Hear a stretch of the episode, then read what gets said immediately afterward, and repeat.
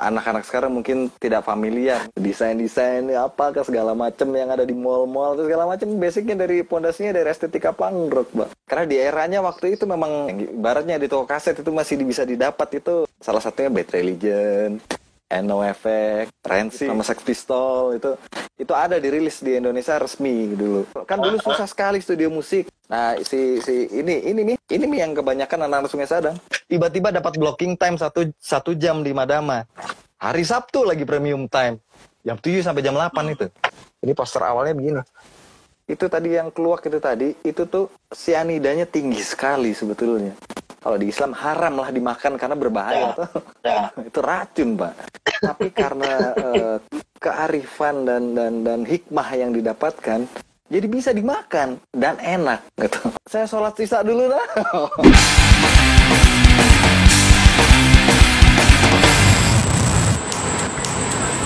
Yo yo yo yo. Hey, yo yo yo yo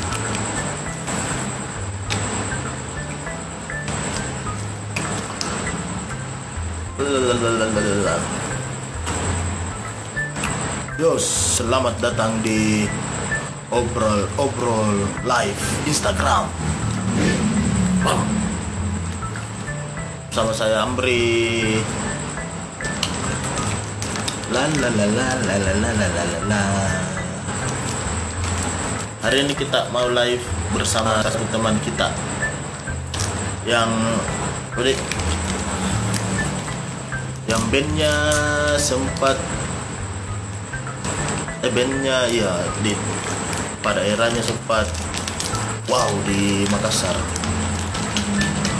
Salah satu band rock band trio dia itu bertiga. Kita mau tanya-tanya dulu toh. Kita mau tanya soal bandnya sama soal usahanya yang mungkin mungkin ada di mungkin ada nih teman-teman yang sempat coba kopinya. Biasa Ben be itu sudah masuk tahu ah halo Dil.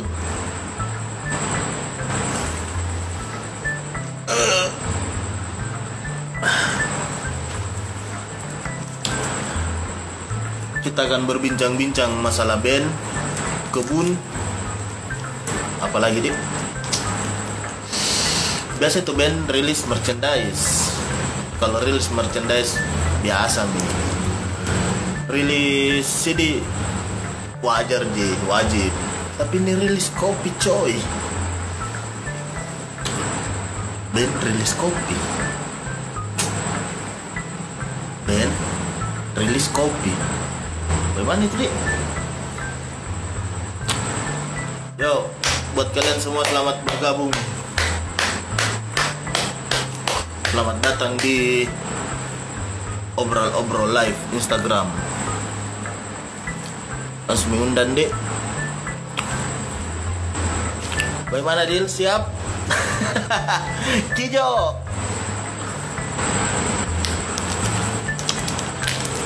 Piye kabar Jo? Bagaimana Bali Jo? Bagaimana Dila siap? Kita akan berbincang-bincang. Sudah kumur-kumur pakai listerin tadi.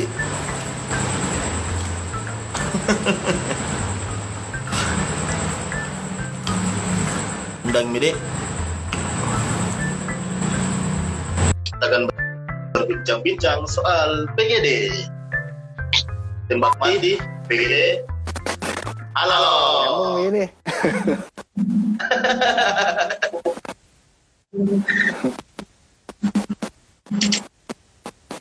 Bagaimana kabar Dil? Alhamdulillah baik baik baik. Aman ya. Alhamdulillah. Kalau di di sini baru mulai bisa saya sholat sisa dulu dah. Oh, mau sholat dulu kak? nah, santai santai santai. Bagaimana bagaimana Bri? Eh, ini, ini banyak kemarin anak-anak yang, yang bertanya soal baik kenapa bisa terbentuk itu hubung dagang depan. langsung Awalnya bagaimana? langsung ini ya langsung obrol bandnya ini langsung Iya, band band band band dulu. Ah, iya jadi eh, awal jadi sebetulnya kan eh, yang pertama dulu tongkrongan di satu tongkrongan di Sungai Sadang kan dulu tuh di yang sekarang. Dulu apotik sekarang jadi apakah Alfamart atau mi- apa kah sekarang? Alfamart, Alfamart. iya. Jadi kayak itu kayak ini ngeblend lah soalnya yang nonton bahasanya juga campur nanti nggak mengerti. Ya, ya, ya, ya. kan dulu satu tongkrongan di ada namanya kalau anak-anak sekarang mungkin tidak familiar, mungkin terakhir mungkin 2010 itu kah? Sudah habis itu nggak bisa nih lagi nongkrong di sana itu anak-anak kayaknya. Tapi nggak tahu deh. Saya juga lama minta update karena dengar-dengar di anak-anak. Jadi eh awalnya satu tongkrongan di gerobak koran, koran eh, gerobak koran punyanya Endah namanya. Oh iya, nah, Hendrix. Iya, Nendra de, Nendah de, de Hendrix. Jadi itu set- setelah acara satu bumi milik bersama apa kayak kalau nggak salah itu yang di lapangan Karebosi itu. Nah, Jadi lepas. iya di itu yang Karebosi. Yang depan Ya, Madama itu, Madama. dekat Madama itu. Nah, Oh, iya. setelah selesai itu acara kan sebelumnya galau nah ada tempat tongkrongan tuh diusir depan dulu depan eh, yang pokoknya tempat-tempat sebelumnya lah setelah itu acara bisa itu nongkrong wah ada tempatnya Enda itu di di di di Sungai Sadang sudah Mi. semua jadi kumpul di sana awalnya begitu jadi ada bandnya masing-masing semua sebelumnya Eh, Iya kan, Dila ada Bapak Mati. Ya, eh, salah satunya ini. Dulu kan ya, bandnya ada beberapa tuh. Kan eh, selain Nah. eh, selain jadi ini awalnya tuh awal-awal dulu saya di namanya Ya. Mati band Power Violence. Terus ada si Hikmah yang main bass vokal yang di PGD itu. Dulu bandnya band side side issue namanya. Oh iya, iya. sama nama Maan. Ya, ya, sama Aan, sama Iqbal. Amra. Balo itu dulu sekali itu itu sebelumnya saya juga sempat jadi vokalisnya side issue dulu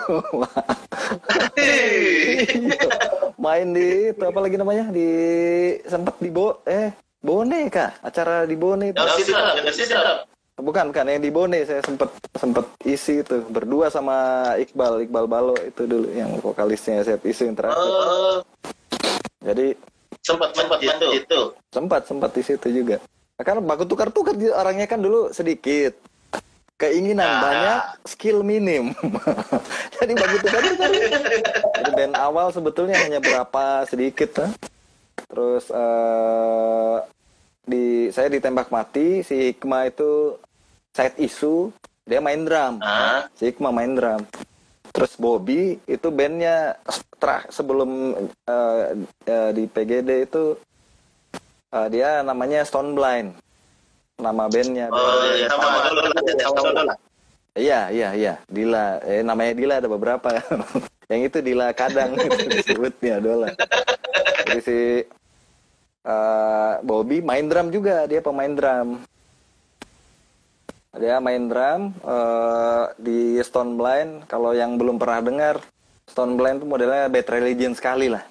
Model Ya, yang kali lagunya punk rock. Karena di eranya waktu itu memang gelombangnya juga eh influence musiknya. Yang ibaratnya di toko kaset itu masih bisa didapat itu salah satunya Bad Religion NoFX gitu Rancid itu tuh Rancid. barang barang wajib sama Sex Pistol itu itu ada dirilis di Indonesia resmi dulu nah Tahun berapa itu, Dil? tahun 2000 itu tahun 2000 kalau salah 2000 awal. Iya, dua, pokoknya 2000 itu. Jadi eh, sudah ada bandnya itu, terus semua ibaratnya yang kencang-kencang semua bandnya, yang durasi-durasi lagunya nggak ada semenit-semenit gitu tuh dihajar. Terus biasa, terus, eh, karena dengar yang lain, eh itu deh, bikin ini deh, yang kan dulu istilahnya melodik. Sampai sekarang atau mungkin masih Oh melodik. iya, iya, iya. Kan dulu kalau eh, musik punk yang melodius, ya maksudnya bernyanyi. Melu pang, pang, pang, pang. Iya disebutnya melodik. Tapi sebetulnya jadi rancu sebetulnya dibilang melodik itu bagaimana? Yang kita bilang melodik dulu itu punk rock yang ala Bad Religion, No, eh, no yang gitu-gitu. Semakin ke sini kan jadi nyampur sama popang, jadi bingung ini dibeli sebutnya melodik juga. Padahal belum tentu kan. Jadi si si Berarti sebelum era Blink, kenapa? sebelum era Blink. Iya, sebelumnya ki- kita dapat referensi Blink yang masih sebelum ada Travis. Jadi yang masih Yang kencang, skate, yang, yang masih, eh, yang skate skate modelnya skate skate gitu kan, Nah, kayak begitu kan. Jadi si si di situ kayak wah kayaknya seru kayaknya model yang model skate punk skate punk begitu. Eh deh, gitu. Eh, iya si- siapa sama main? Eh, mau kak nyanyi ini kan si Iqbal begitu. Mau kak main bass dari lu pengen main bass, mas sama main drum terus gitu. Mau kak nyanyi ini dia. Ya ini. Siapa lagi nih? Berdua saya sama Iqbal awalnya. Baru sama Iqbal. oh sama sama Iqbal. Apalagi nih bagus nih. Terus waktu itu ada Ricky almarhum Ricky gitarisnya The Hendrix juga.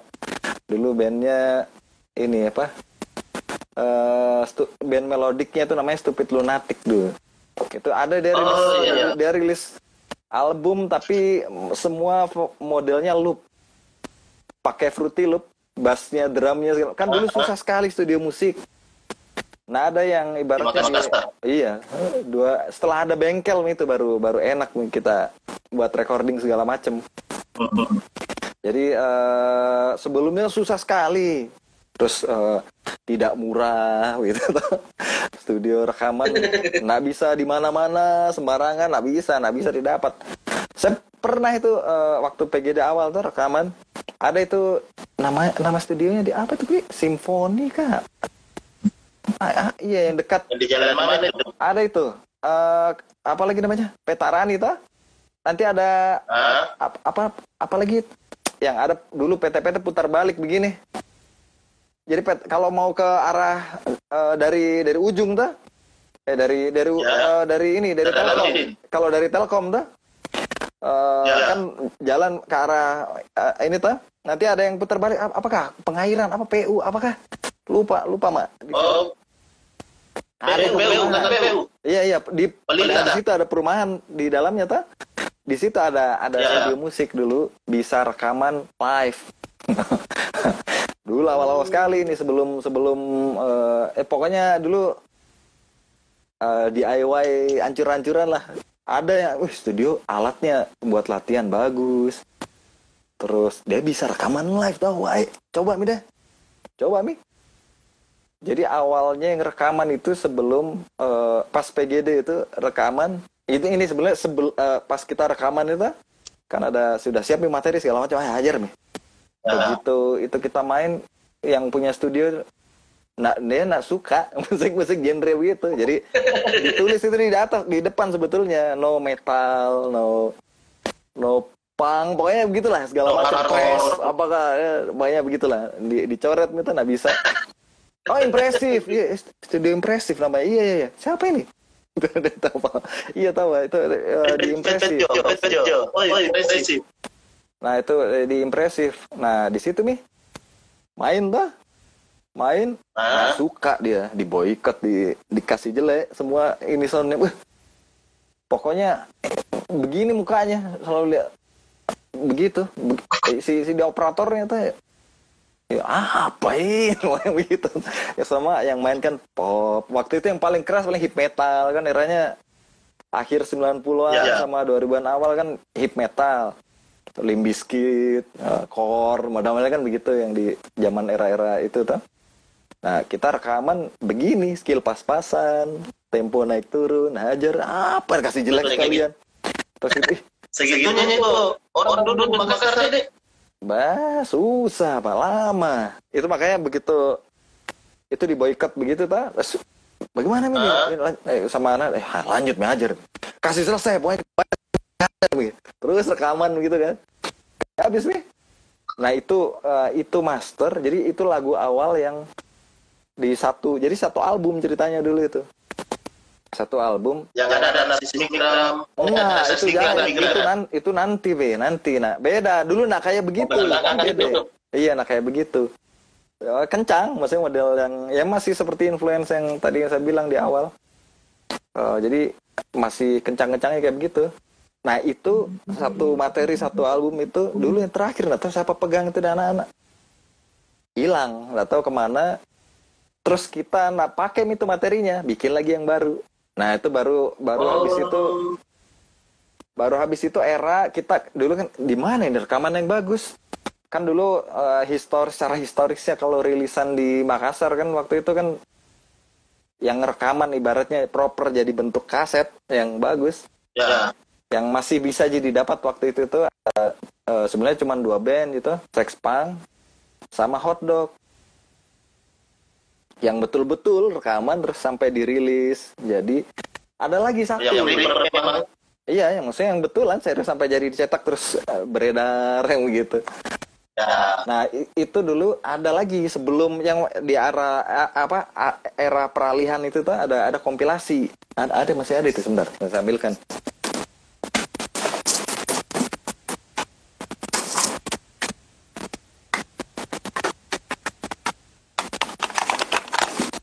Jadi jadi dulu kan di di di Makassar kan jadi itu hotdog rekaman waktu itu di Endels kah? Atau saya lupa lupa kalau gitu ini studionya. Terus dari dari yang di Cakalang, Cakalang mungkin. jalan Cakalang Cakalang. kayaknya lupa mak itu semua. Nah kan rekaman itu hotdog terus habis itu rekaman kompilasi ini Eh, apa ini namanya ini rare Mi, ini. Ada saya ada punya dua. Satu lagi saya dapat di harder. Dulu. kan saya di Bandung tuh ini tuh di harder Iya, saya iya. dapat masih ada satu biji. Jadi saya beli nih sekalian. Jadi ini ini rekaman eh, Molotov Records dulu yang yang riliskan kan hotdog itu juga. Ya, yang ininya namanya Molotov Records. Hmm. nah di kaset ini rekaman kebanyakan di satu wah Andalas tau. Iya iya tau. Betul Oh iya, iya, tahu ah, jalan atas. iya. Nah si si ini ini nih si si eh, rekaman ini eh, kompilasi band-bandnya ini nih yang kebanyakan anak-anak Sungai Sadang. Eh, yang salah satu track recordnya itu di 52 rekamannya yang ini si si, si diproduksinya ini 52 studio dulu.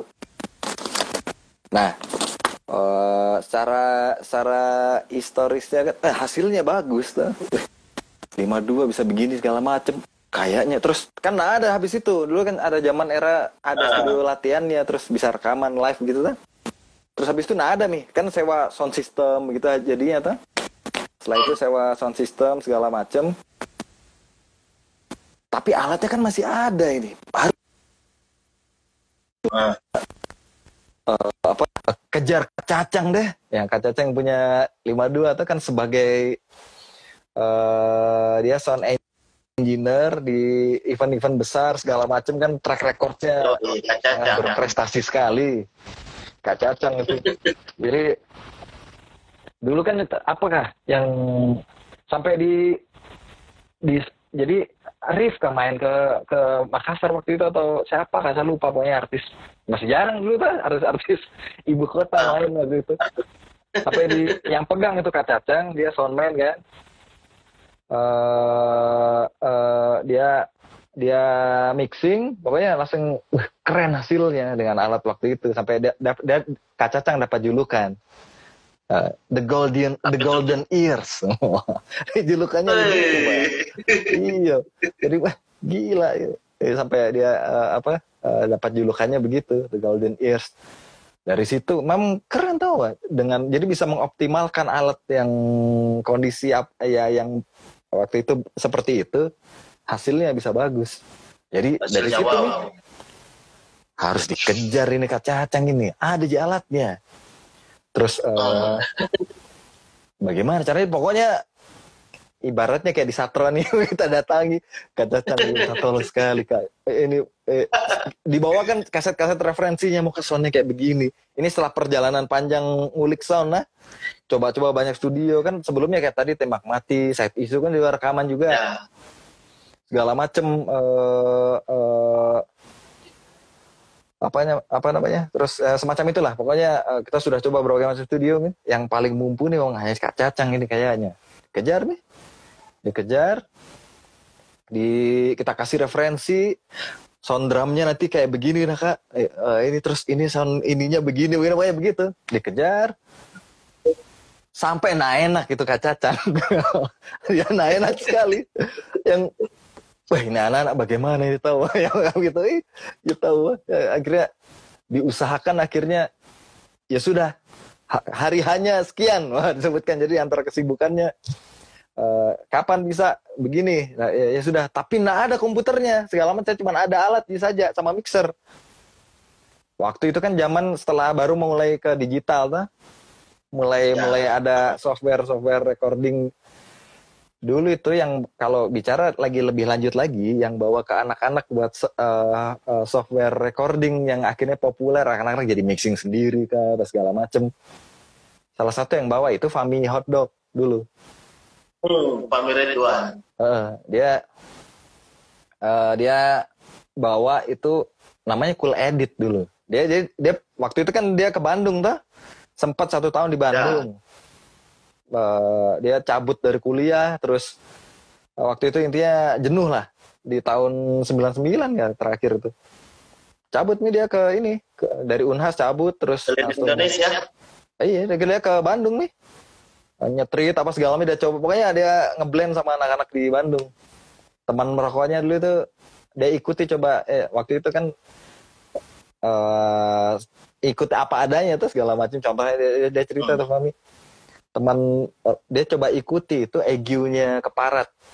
Basisnya EGU kan sama-sama tuh tongkrongan. Ah, Dia ikuti, dia kan selalu ambil sisa-sisa puntung-puntung rokok. Dia kasih kumpul, dia kasih kumpul gitu, terus nanti sama papirnya di baru di digulung baru itu nih hari-harinya begitu karena kan uh, low budget rock tuh. Sampai dia ikuti, wah nah kuat matur setelah sebulan atau berapa gitu ya, nah kuat nah ikuti itu caranya. Makanya dia dia nah pas dia pulang dari Bandung itu ke Makassar, dia bawa dua software penting itu buat itu akhirnya jadi membuka ibaratnya kalau di anak-anak Sungai Sadang itu membuka cakrawala dan imajinasi Cakrawala untuk berkarya di rumah pak. Iya. Teks sendiri apa segala macam dengan ini ya tak ya itu nih eh, bawa Fruity Loop sama Cool Edit itu tadi. Fr- Fruity Loop kan zaman elektronik sekali waktu itu di sana tuh bikin-bikin segala macem terus eh, Fami bikin Chloroplast gitu segala macem. Si software editing recordingnya itu tadi Cool Edit itu tadi. Nah Kak Cacang bisa tadi tuh langsung ya sudah kita bawa saja komputer. Waktu itu yang punya komputer itu Bobby. Eh, ah, yang yang punya komputer Bobby eh angkut naik PT-PT itu berdua sama Bobby. PC pokoknya segala macam satu komputer. Yang zaman TV tabung apa gitu angkut nih bawa ke 52 tracking waktu itu Iqma lagi ujian dia masuk habis SMA itu tuh si, si Iqma dia apa lagi? Apa lagi? Ada Iqma itu? Apa Iqma ujian Iqma. waktu itu ujian masuk iya. Dia kan ini apalagi sekolahmu itu Iqmah sebentar ya. Apalagi yang yang yang pemerintah pemerintah itu apa lagi? Stan stan stan. Oh, Iqmah stan. lagi ujian stan. Dia dia dia lagi fokus begitu. Jadi yang yang sibuk angkut-angkut segala macam saya sama Bobby nih. Angkut dari pagi. Tag segala macam terus eh, semua dengan skill pas-pasan. Nggak pakai metronom rekamannya track tapi. Kan cuma berdua gitu sama Bobby.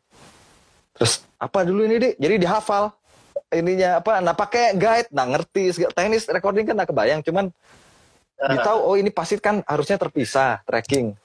Tapi eh, ininya eh nggak tahu kan nggak punya alat tuh. Gitar ada yang punya apa segala nggak punya. Komputer saya baru Bobby yang punya.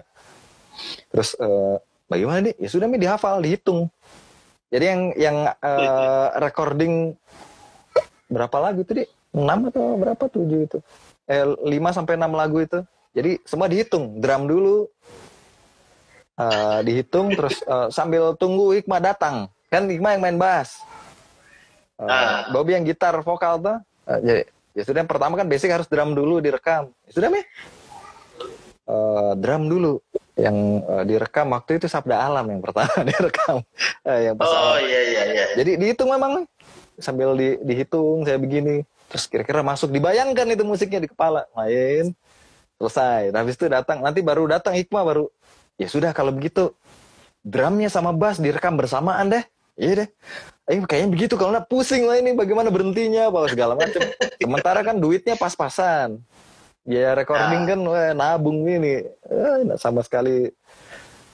Tidak jajan dan Itu segala lagu macam Vietnam, lagu lagu yang mana itu? pokoknya yang bersih sehat dan segar itu. Itu habis itu yang itu. Oh, iya iya. iya. ya yang yang yang itu direkam itu itu mi.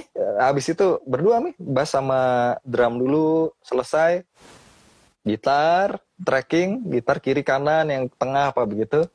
Sudah terakhir vokal. Tapi sih iya vokal vokal habis itu vokal. Sudah mi. Habis itu selesai. Ya apa adanya. Bener-bener apa yang ada di situ. Gitar yang ada di situ. Segala macam yang ada di situ. Nah ada yang punya alat. Pokoknya cuma bawa PCG saja. Sama pokoknya satu Dan set. sekarang itu yang didengar. Kenapa? Sampai sekarang itu yang didengar. I- iya. Si- Beredar di anak-anak. oh iya. itu yang awal masih hancur sekali sebetulnya.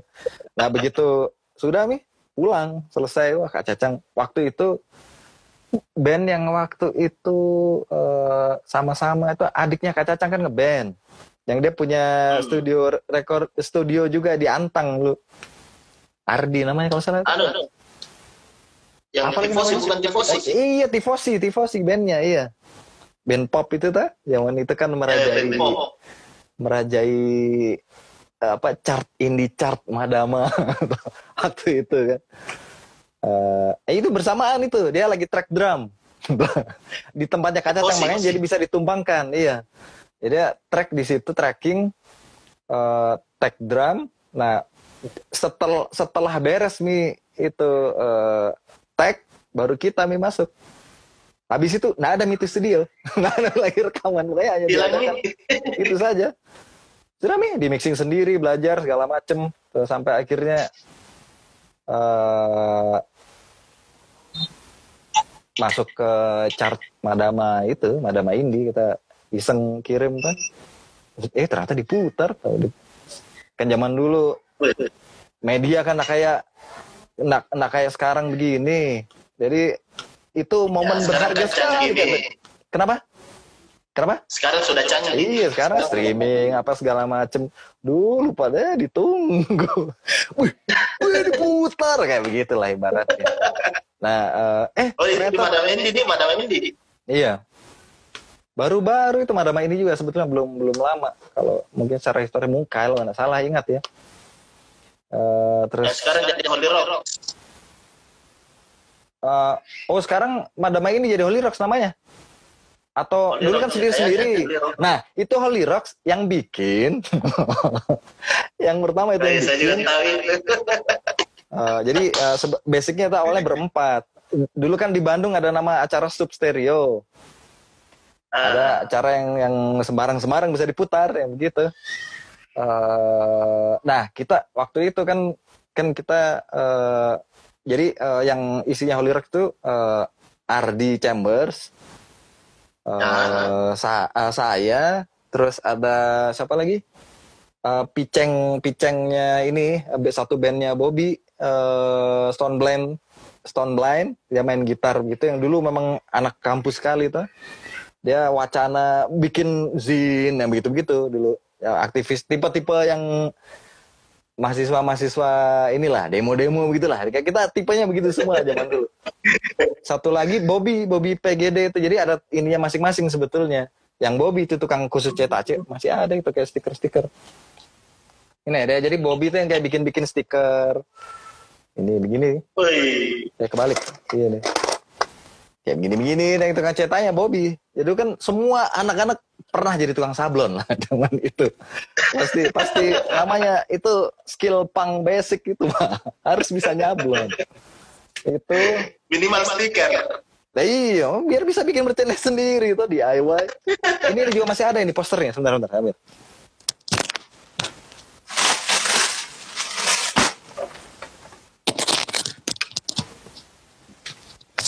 Saya masih simpan ini. Dulu jadi si intinya itu Holy Rocks tuh ya rezeki lah. Tiba-tiba dapat blocking time satu, satu jam di Madama. Karena Ardi. Ardi kan kru offline-nya off, off airnya Madama tuh dia kan Ah. dulu ya begitulah sudah memang eh apa namanya eh perhubungan dan segala macem silaturahmi pertemanan segala macamnya bagus. Jadi tiba-tiba dapat blocking time satu jam. Hari Sabtu lagi premium time. Jam 7 sampai jam 8 itu setiap Sabtu. Tiba-tiba dapat blocking time terus tadinya ide saya kira itu kan eh, blocking time bisa bikin acara sendiri terserah mau kasih bagaimana itu. Wih, ayo deh langsung lah jadi Ardi yang nanti khusus ibaratnya yang jadi kayak manajemennya begitu yang bagaimana kah segala macam yang eh, kan jadinya formatnya itu magazine sebetulnya. Bikin majalah jadi pas momen yang sama tuh anak-anak mau "Eh, bikin majalah deh. Kan tadi yang tadi saya bilang piceng tadi tuh ya kan memang skillnya menulis bikin film segala macem. Ini poster awalnya begini. Ini pertama siaran nih saya saya nggak tulis tanggalnya waktu itu deh Saya- ini jadi bikin segala macem kayak begini. Ini dulu posternya kita tempel acak itu di kota dulu. Ini si posternya dulu. Jadi ada ada ada kayak si si segmen segmennya begitu ta ibaratnya dulu itu. Segala macem. Terus ada versi cetaknya. Ah, ini nih ceritanya. Ada kayak apa namanya? Eh zinnya lah ah, newsletter. Ya cuman selembar selembar begitu ceritanya dulu tapi nggak berhasil Oh, jadi Dia ter- nempel. Iya, intinya tidak berhasil. Yang berhasil hanya acara radionya. saya terakhir ngobrol sama ngobrol sama Ardi itu terakhir dia bilang, saya masih simpan itu satu rim buat eh, kop suratnya itu Holy Rock. Dia bilang begitu. Kan kita cetak, Cik, bikin deh. Pokoknya segala macem nanti kalau buat keperluan apa segala macem dibikin. Nah, tapi yang jalan itu hanya acara radionya. Nah, si acara radio berjalan, saya pikir itu waktu sama anak-anak, oh kita bikinkan kontennya, cari ini lagunya, apakah segala macem, bahas apa segala macem. Eh ternyata enggak, suruh bawakan sendiri programnya. Wih, siapa kalau gitu yang bawakan? Bingung, siapa? Ih, kau, Ih, kau. Ih. Akhirnya saya nih yang dikorbankan, harus harus bisa waktu itu. Jadi bagaimana? Nggak pernah siaran, nggak nggak tahu skill broadcasting segala macem.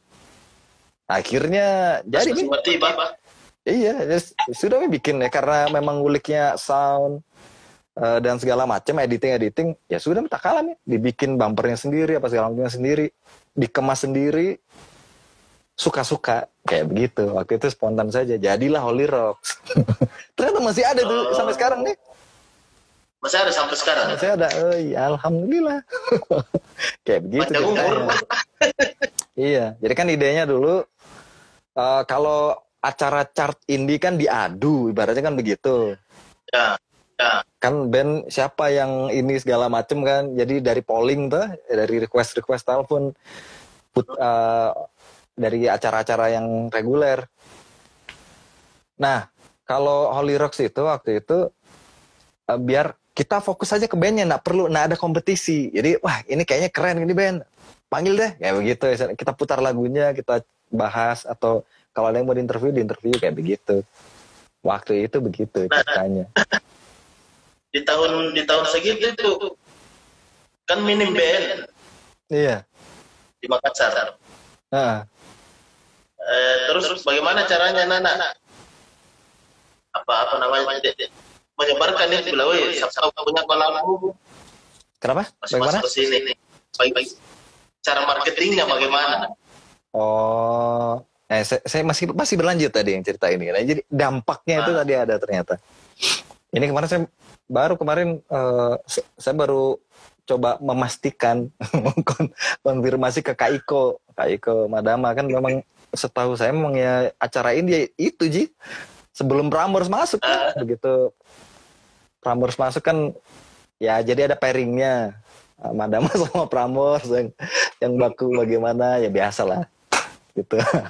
Eh, terus Pastikan, eh, se- dari ternyata yang eh, yang di kalau di anak-anak ini nah saya nggak tahu kalau semakassar tapi sepemahaman saya kalau di anak-anak di maksudnya di di di di, di tongkrongan tadi itu Sungai Sadang terus Ah. nantinya jadi ada bengkel waktu itu terus dan seterusnya dan seterusnya.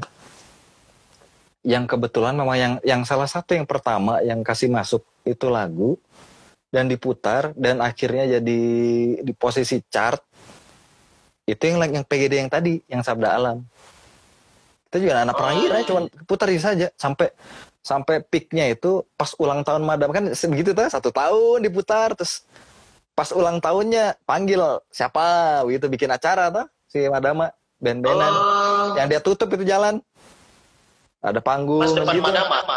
Iya depan Madama itu panggung. Dipanggil itu nanti uh, yang 10 besarnya main. Kalau saya kalau nggak salah ingat ini lah nanti kalau tanyakan yang ada di ah. Makassar tuh Kak Iko atau siapa Kak? Terutama Kak Iko. uh, saya lupa Mak. Pokoknya kalau salah itu 10 nanti manggung. Yang, yang finalis apa ibaratnya chart yang 10 besarnya tuh. Manggung, manggung, manggung, manggung, terakhirnya kan bintang tamu. Nah, bintang tamunya waktu itu kunci dipanggil. Uh, kunci hmm. ada dulu band pop apa rock pop rock ala ala melodik tapi bukan pop, gitu, namanya kunci dia manggung nih diundang waktu itu lagi naik diundang nih main sebagai uh, bintang tamunya di acara ulang tahun Madama Nah, PGD masuk di situ. nah, pernah sementara acaranya kan di, di pinggir-pinggir eh kerang kita modelnya bahasar tuh dulu kan bahasar musik apa kayak segala ya. macam anak-anak. Nah, ada itu masuk eh, yang acara-acara besar. Tiba-tiba dipanggil main betulan. Wih, jadi bagaimana ini? Bagaimana ini? Sudah nih. Anak-anak semua itu uh, satu tongkrongan, maksudnya karena kita kan orangnya sebenarnya nggak banyak tuh, satu tongkrongan sedikit. Ya. Nah, itu uh, anak-anak support semua. Uh, ini apa? Support ke maksudnya kita main sama-sama itu buat nonton baru tuh hujan deras waktu itu acara hujan deras sekali sampai kita jadi ter terkontak apa nyetrum tuh semua satu panggung. Jadi kalau kau pegang gitar kena itu mikrofon di mulut kesetrum semua ke kontak jadi bagaimana ini? Hujan deras sekali deras. Akhirnya cara mainnya yang main gitar sama bass itu tangannya di di lakban. Di lakban kertas. Jadi di, biar nak nyetrum ceritanya ta ikhtiarnya begitu. Tapi bisa itu kau main gitar kalau kau dibungkus ini jarimu. Semua. Tapi ya karena waktu itu ya begitulah. Nah semenjak itu jadi bisa uh, ke pensi-pensi mana pun gitu. Membuka banyak jalan lah. Jadi akhirnya uh, tidak ada panggung pang, tidak acara pang, pensi pun jadi. Jadi semua jadi bisa manggung di pensi-pensi. Bareng-bareng semua anak-anak ya, satu ini. Oh ya ganti-gantian itu, entah itu Sondol, entah itu apa uh, Hendrix, itu ah pokoknya ganti-ganti itu. Nah, kita kita aja semua seperti itu gitu. Di era awal tuh begitu. Plus lagi yang tadi Ardi itu kan karena dulu kan distro era awal 2000 kan booming industri kreatif uh, uh, aparel kan. Jadi semua nah. termasuk yang awal kan chamber juga yang awal dan lain-lain gitu. Sebentar, sebentar, ada iklan. Sebentar ya, maaf ya banyak anak-anak. Mas mau ke mana? Jangan aja tuh permisi, permisi. Sebentar ini ada ada anak kecil. Ah, tolong, tolong. Bu, tolong Bu. Sebentar lah, sebentar. ini dia naik ke atas ini. Sebentar ya. Biasa. Ini nih yang begini nih pada ikut. ini nih. Mas. Sebentar ya. Mas. Sebentar ya, sebentar ya. Maaf ya. Oke, oke. Ini macam masih ini. Yuk. Jadi si eh, ini sambil begini ya, biar di out frame dulu. Nah, uh, yang Ardi tadi kan bisa sebagai konsultan untuk acara-acara itu pensi jadi yang band apa yang mau dipanggil apa segala macem dulu kan ininya ke salah satunya lewat datangnya ke Chambers waktu itu. Nah kalau ke Chambers ketemunya Ardi nih sama Nani terus. Jadi pasti eh ini bagus apa bagus dipanggil kak? Oh, ah ini bagus ada band bagus begini. Oh, semua di, jadi bisa nih pada datang. Di situ nih baru awal bertukar informasi mapping scene di di di Makassar dengan band yang waktu itu lagi emerging scene-nya lagi sedang terjadi juga.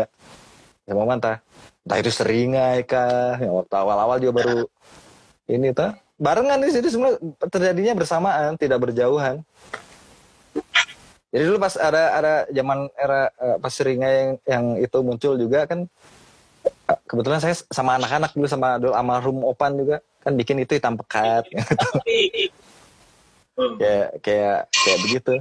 Uh, dan lain-lain lah pokoknya segala macam jadi uh, akhirnya ya begitulah. Di awal 2000 terus sampai dis distro jadi banyak terus uh, acara mulai terus sonrenalin masuk ke kita terus uh, segala macam segala macam ya mungkin ya dulu awalnya sampai sekarang yang teman-teman mungkin bisa seperti ya entah sampai rock and lebih ibaratnya bikin acara tahunan sampai segede itu lah panggil sepultura atau apa itu sampai ibaratnya kayak begitu begitu bisa main Dulunya Tapi awalnya PGD gitu. berhenti. Kenapa? Di tahun berapa? PGD berhenti di tahun berapa? 2006. Jadi kan iya, ya kan cerita bertiga itu tuh yang uh, oh tadinya tadi kan bertiga tadi ya maaf ini lompat-lompat jauh-jauh ke mana-mana ini cerita. Yang tadi kan saya uh, sama Hikmah awalnya, terus sebelumnya ada namanya Ricky yang tadi gitarisnya Hendrix. Itu uh, ya si Ricky ini multi talenta dia bisa main apa pun. Bukan yang ini hotdog dulu? Uh, iya main drumnya hotdog terakhir terakhir. Habis itu kan dia dia nah itu masalahnya makanya kenapa nggak sama Ricky lagi? Menghilang dia. Jadi pas eh udah jadi Ricky yang main yang main yang main drum waktu itu eh Ricky yang main drum saya gitar vokal karena saya sebenarnya pemain gitar ah. nah saya main gitar, Iqmal main bass nih, yang vokalnya berdua begitu. Terus Ricky menghilang karena satu dan lain hal lah. Percintaan mungkin menghilang tuh jadi tiba-tiba pokoknya hilang, hilang. Terus uh, hilang datanglah Bobby kan sering nongkrong itu ikut mana kan kalau kita ngobrol apa segala macam kan pas lagi nongkrong di pinggir jalan tuh. Ikut mak mau gak bernyanyi bernyanyi juga. Kalau masa kita tiga-tiga di depan, siapa dong maunya bikinnya bertiga? Jadi eh bosan maju kan. Dia drummer juga, mau gak bernyanyi. Ya sudah ya. Akhirnya ya ya sudah kalau begitu saya main drum. Mengalah karena yang mau yang ini drummer dua orang nih bosan uh, di posisi belakang pengen coba karena ini side project kan sebetulnya. Sudah nih? Ya sudah saya main drum. Jadi belajar drum dadakan itu ceritanya begitu. Terus Itulah namanya pemuda garis depan.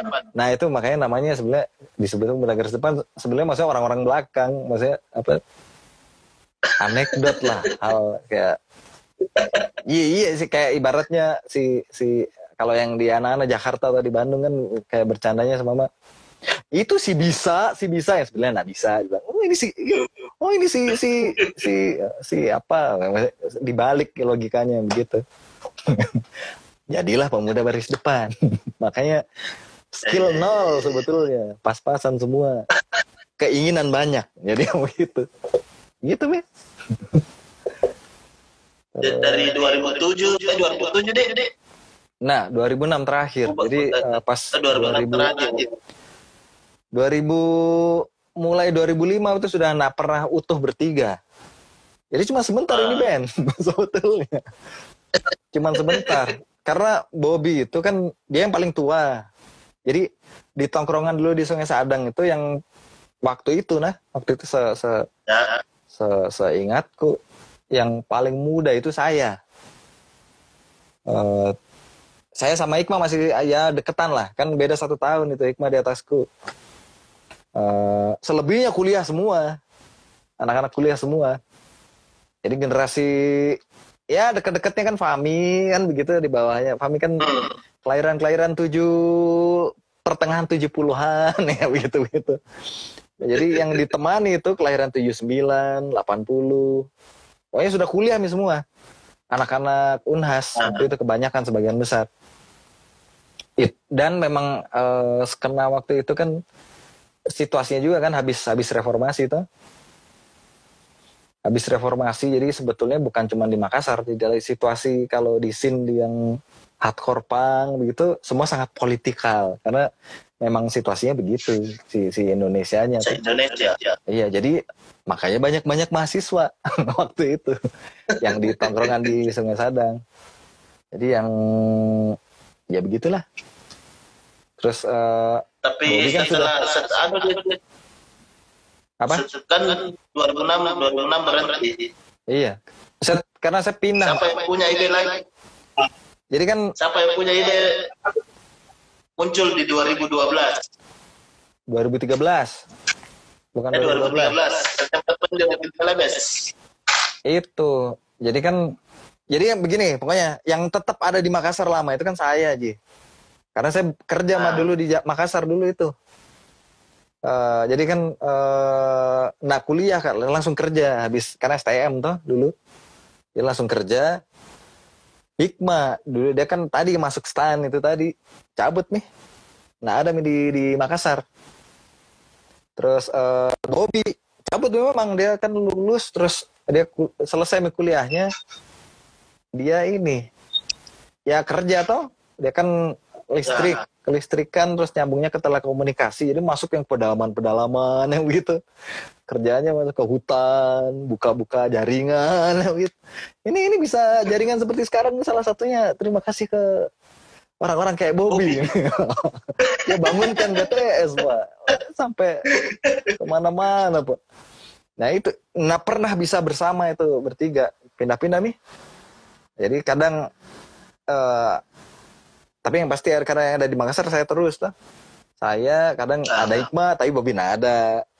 Terus kadang ada Bobby Iqmah nggak ada sama saya ini berdua. Nah yang yang tambahannya yang selalu paling reguler itu ini ada Yudi. Ada namanya Yudi. Ini si Yudi. Ada ini. Eh, ketawa-ketawa itu. Ya, Yud. Nah, ini Yudi yang sampai terakhir-terakhir tuh dia bantu isi. Entah itu gitar kah, entah itu bass kah. Pokoknya eh, dia yang mengisi kekosongan posisi yang tidak ada tadi. Ini bandnya dulu Bloody Mary. Saya satu band juga akhirnya di band pop itu. Hmm, Ya dulu istilahnya pecun band pak. Satu orang bandnya banyak. Kayak begitu nih. Nah, terakhir itu terakhir tuh iya. Nah, habis itu betul-betul kan cabut gitu. Nah, nah di Makassar itu dua orang yang lain. Ya. Saya Nah, 2006 saya cabut nih dari Makassar karena mau ke kuliah ini deh. Waktu itu begitu. Nah, memutuskan kuliahnya ke Jogja. Jadi saya, saya tinggal itu pekerjaanku. Eh, ceritanya mengejar passion. Iya, dulu kan zaman segala macamnya terus kerja dan eh, dan sekolahnya kan bukan hal yang disuka, tapi karena keadaan tuh. Jadi kau harus pokoknya apa pun kau nggak saya nggak bisa memungkinkan untuk kuliah, jadi ya kau yang bisa langsung kerja. Kerja nih nabung.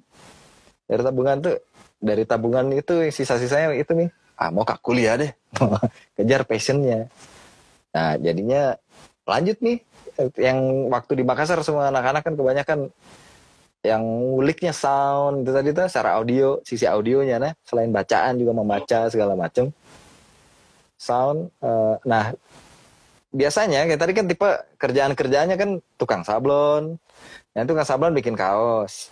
Kan kaos. Kalau ada yang skill yang lain wah bisa ulik sound. Sik sound jadi soundman kah? Atau jadi apa kah? Kerja di studio musik atau jadi kru apa segala macam jadi soundman pegang-pegang band. Terus masih nyambung sama itu visual ini kayaknya keren. Oh, ambil gambar yang punya bakat-bakat di situ yang tadi desain visual visualnya bisa jadi desainer. Buat bikin desain t-shirt bandnya kan begitu tuh karena waktu itu Corel Ya. baru masuk. Di awal 2000 itu tadi oh tiga tiga software utama itu. Skill punk rock yang wajib di iya. Kalau update bisa bikin apa-apa. Cool edit itu tadi buat ngedit sound sendiri yang kedua eh, Fruity Loop bikin suara-suara sendiri. DJing gitu. Yang ketiganya Corel.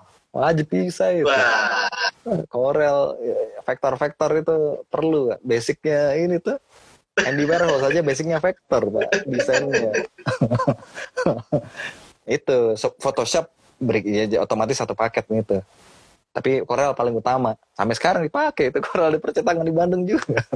Kayak begitu nih si si uh, uh, yang bisa visual pasti larinya oh desain grafis. Kalau desain grafis eh, kalau bergeraknya bagaimana? Diulik jadi video. Nah saya salah satu yang nyambung habis itu diulik itu semua. Bagaimana ini ada visualnya? Nah kuliah mau audiovisual broadcasting radio TV itu di di, di Jogja. Di situ sudah nih berhenti nih Ben nggak ada nggak ada lagi. Dan band-band yang lainnya nah karena kan tadi banyak main di banyak band yang lain-lain. Ya. Tinggal itu band. Pindah. Langsung banyak band yang bubar nggak tahu gitu ya.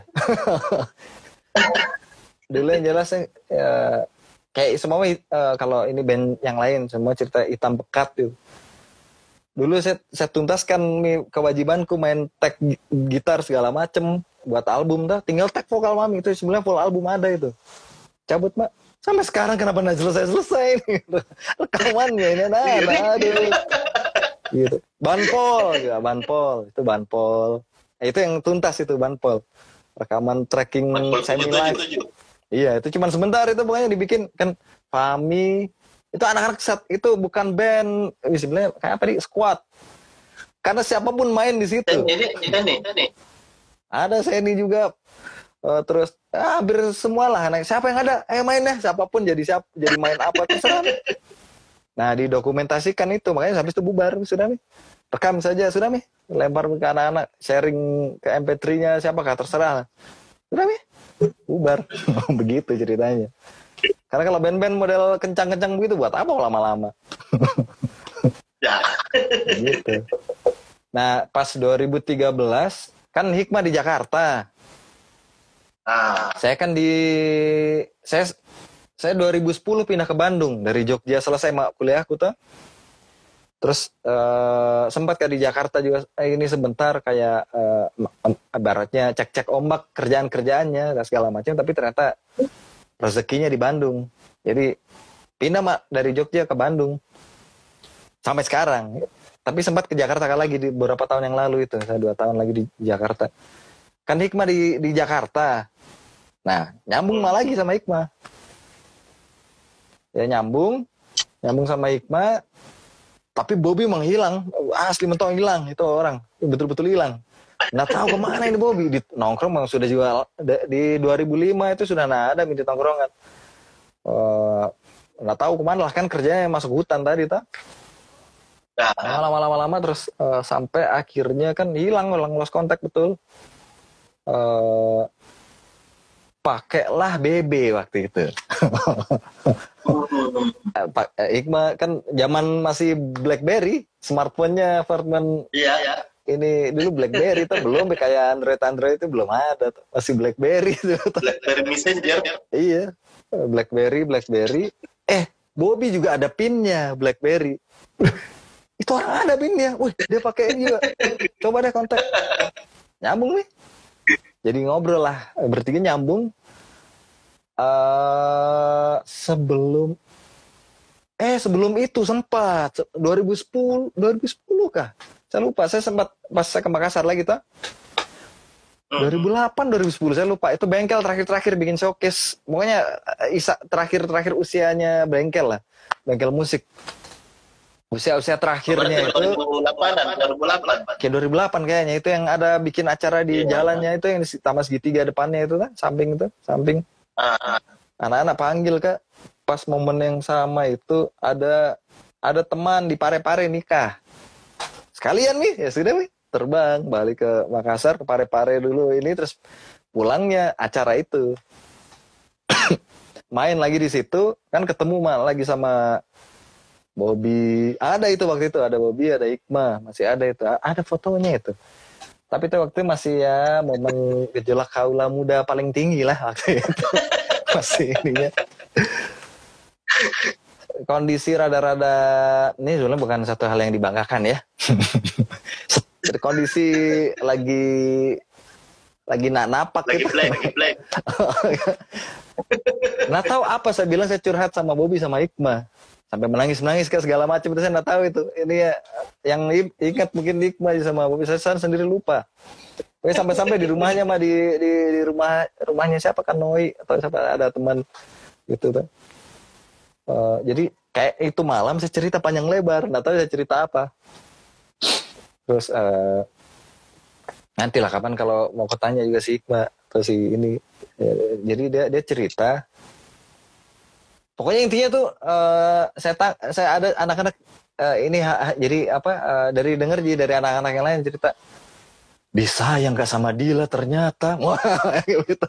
Adalah apa? Saya bilang ini malam itu segala eh, pokoknya. Uh, padahal kan uh, pokoknya begitulah intinya sama Bobby nggak tahu pokoknya begitu. Oh iya kalau kalau di anak-anak itu yang clean itu kan Bobby. Mirip-mirip kayak Ardi Chambers lah sebetulnya. Maksudnya di tongkrongan tapi yang dia clean asli nak merokok apalagi minum, minum. cuman saya nak sembahyang. Itu doang. Itu bisa aja nak main perempuan enggak cewek-cewek enggak clean. Cuman tidak sembahyang saja itu Bobby. Di bawah Bobby sudah. Kenapa kena jadi dia zaman awal ibaratnya straight edge lah dia. Dari dulu. Nah itu itu itu si Bobby. Yang paling sober itu Bobby terus uh, apa? Itulah makanya namanya bersih sehat dan segar. Uh. itu. Itu. Itu si Bobby. Uh, begitulah. Itu singkatnya singkatnya begitu. Itu kan Bobby sekali sebetulnya. Nah dari situ terus 2013 tadi nyambung pin BB tadi tak sudah waktu itu kan dari 2006 ke 2013 tujuh tahun. Terus ya, ya. momen yang sama juga ketemu juga sama Ardi. Ardi Ardi Chambers kan dipindah ke Bandung juga. Kan ya, dulu ya, terakhir ya. dia tuh ceritanya manajernya. Manajernya PGD terakhir. Oh. ya baru ini nah. Ini ini yang patut dicatat ya. Ini PGD itu band. Karena memang kita tahu itu hobi. Nah ada tujuannya cari uang dari band. Sama sekali itu betul-betul. Kita, kita cuman asli suka saja. Makanya itu makanya kita kerja mas uh-huh. ini masing-masing apa segala macam. Itu karena buat bukan buat cari uang buat passion di total. Suka di saja. Nggak peduli namanya bikin di saja apa sih bikin saja rekaman. Dan suka ngulik. Terus uh, itu main di acara pensi segala macem.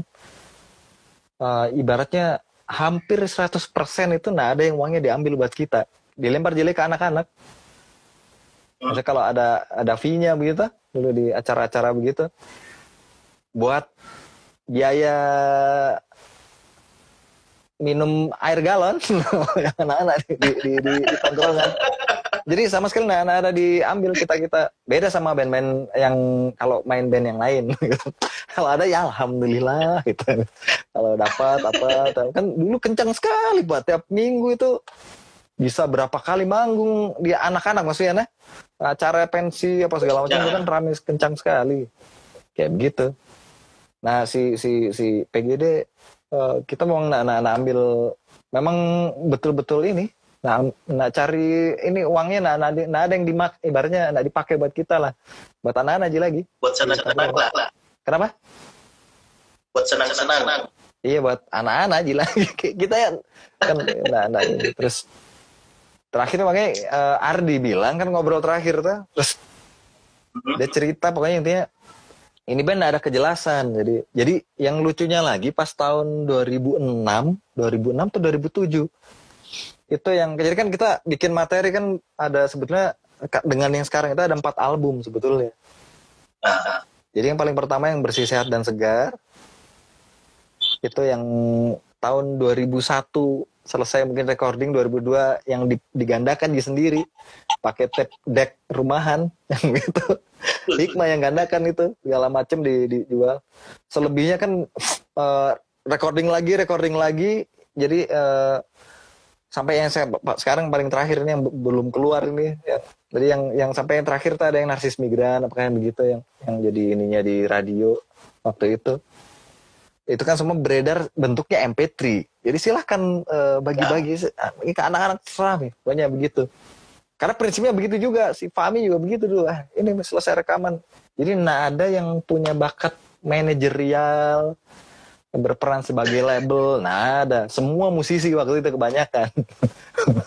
Jadi taunya bikinnya habis itu habis itu habis rekam rekaman deh rekaman habis itu bikin album terus, terus materinya dikasih bagaimana? Ya nggak tahu, begini saja nih.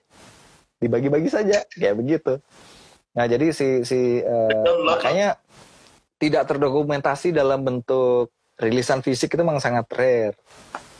Karena nah. ya kita secara apa apa tadi saya incapacity waktu itu memang belum memungkinkan selain nak murah kan itu harus dulu kan dulu Jakarta sama Bandung tuh kalau kaset yang betulan ke tropik waktu itu zaman kaset ya, ya. Uh, di di sini di Bandung tuh. Kayak dulu Bloody Mary recording terus bikin albumnya kan yang bawa itu salah satunya saya terus ada Yudi apa yang yang satu bandnya itu ke Bandung pergi ke Tropik bikin masternya terus apa segala macam kan kayak begitu. Dulu kayak begitu kaset tuh zamannya. Nah yang it, hal semacam itu kan mewah kategorinya harus uh, punya modal lah. Kayak begitu makanya dulu uh, uh, ya begini jat, jatuhnya. Kultur sempat jadi kulturnya begitu di anak-anak. Uh, yang rilis paling CDR gitu di burning sendiri. Begitu ada teknologi CDR CD-ROM yang bisa burning itu awal-awal. iya pakai Nero sama di dibajak tuh. Habis waktu tadi coy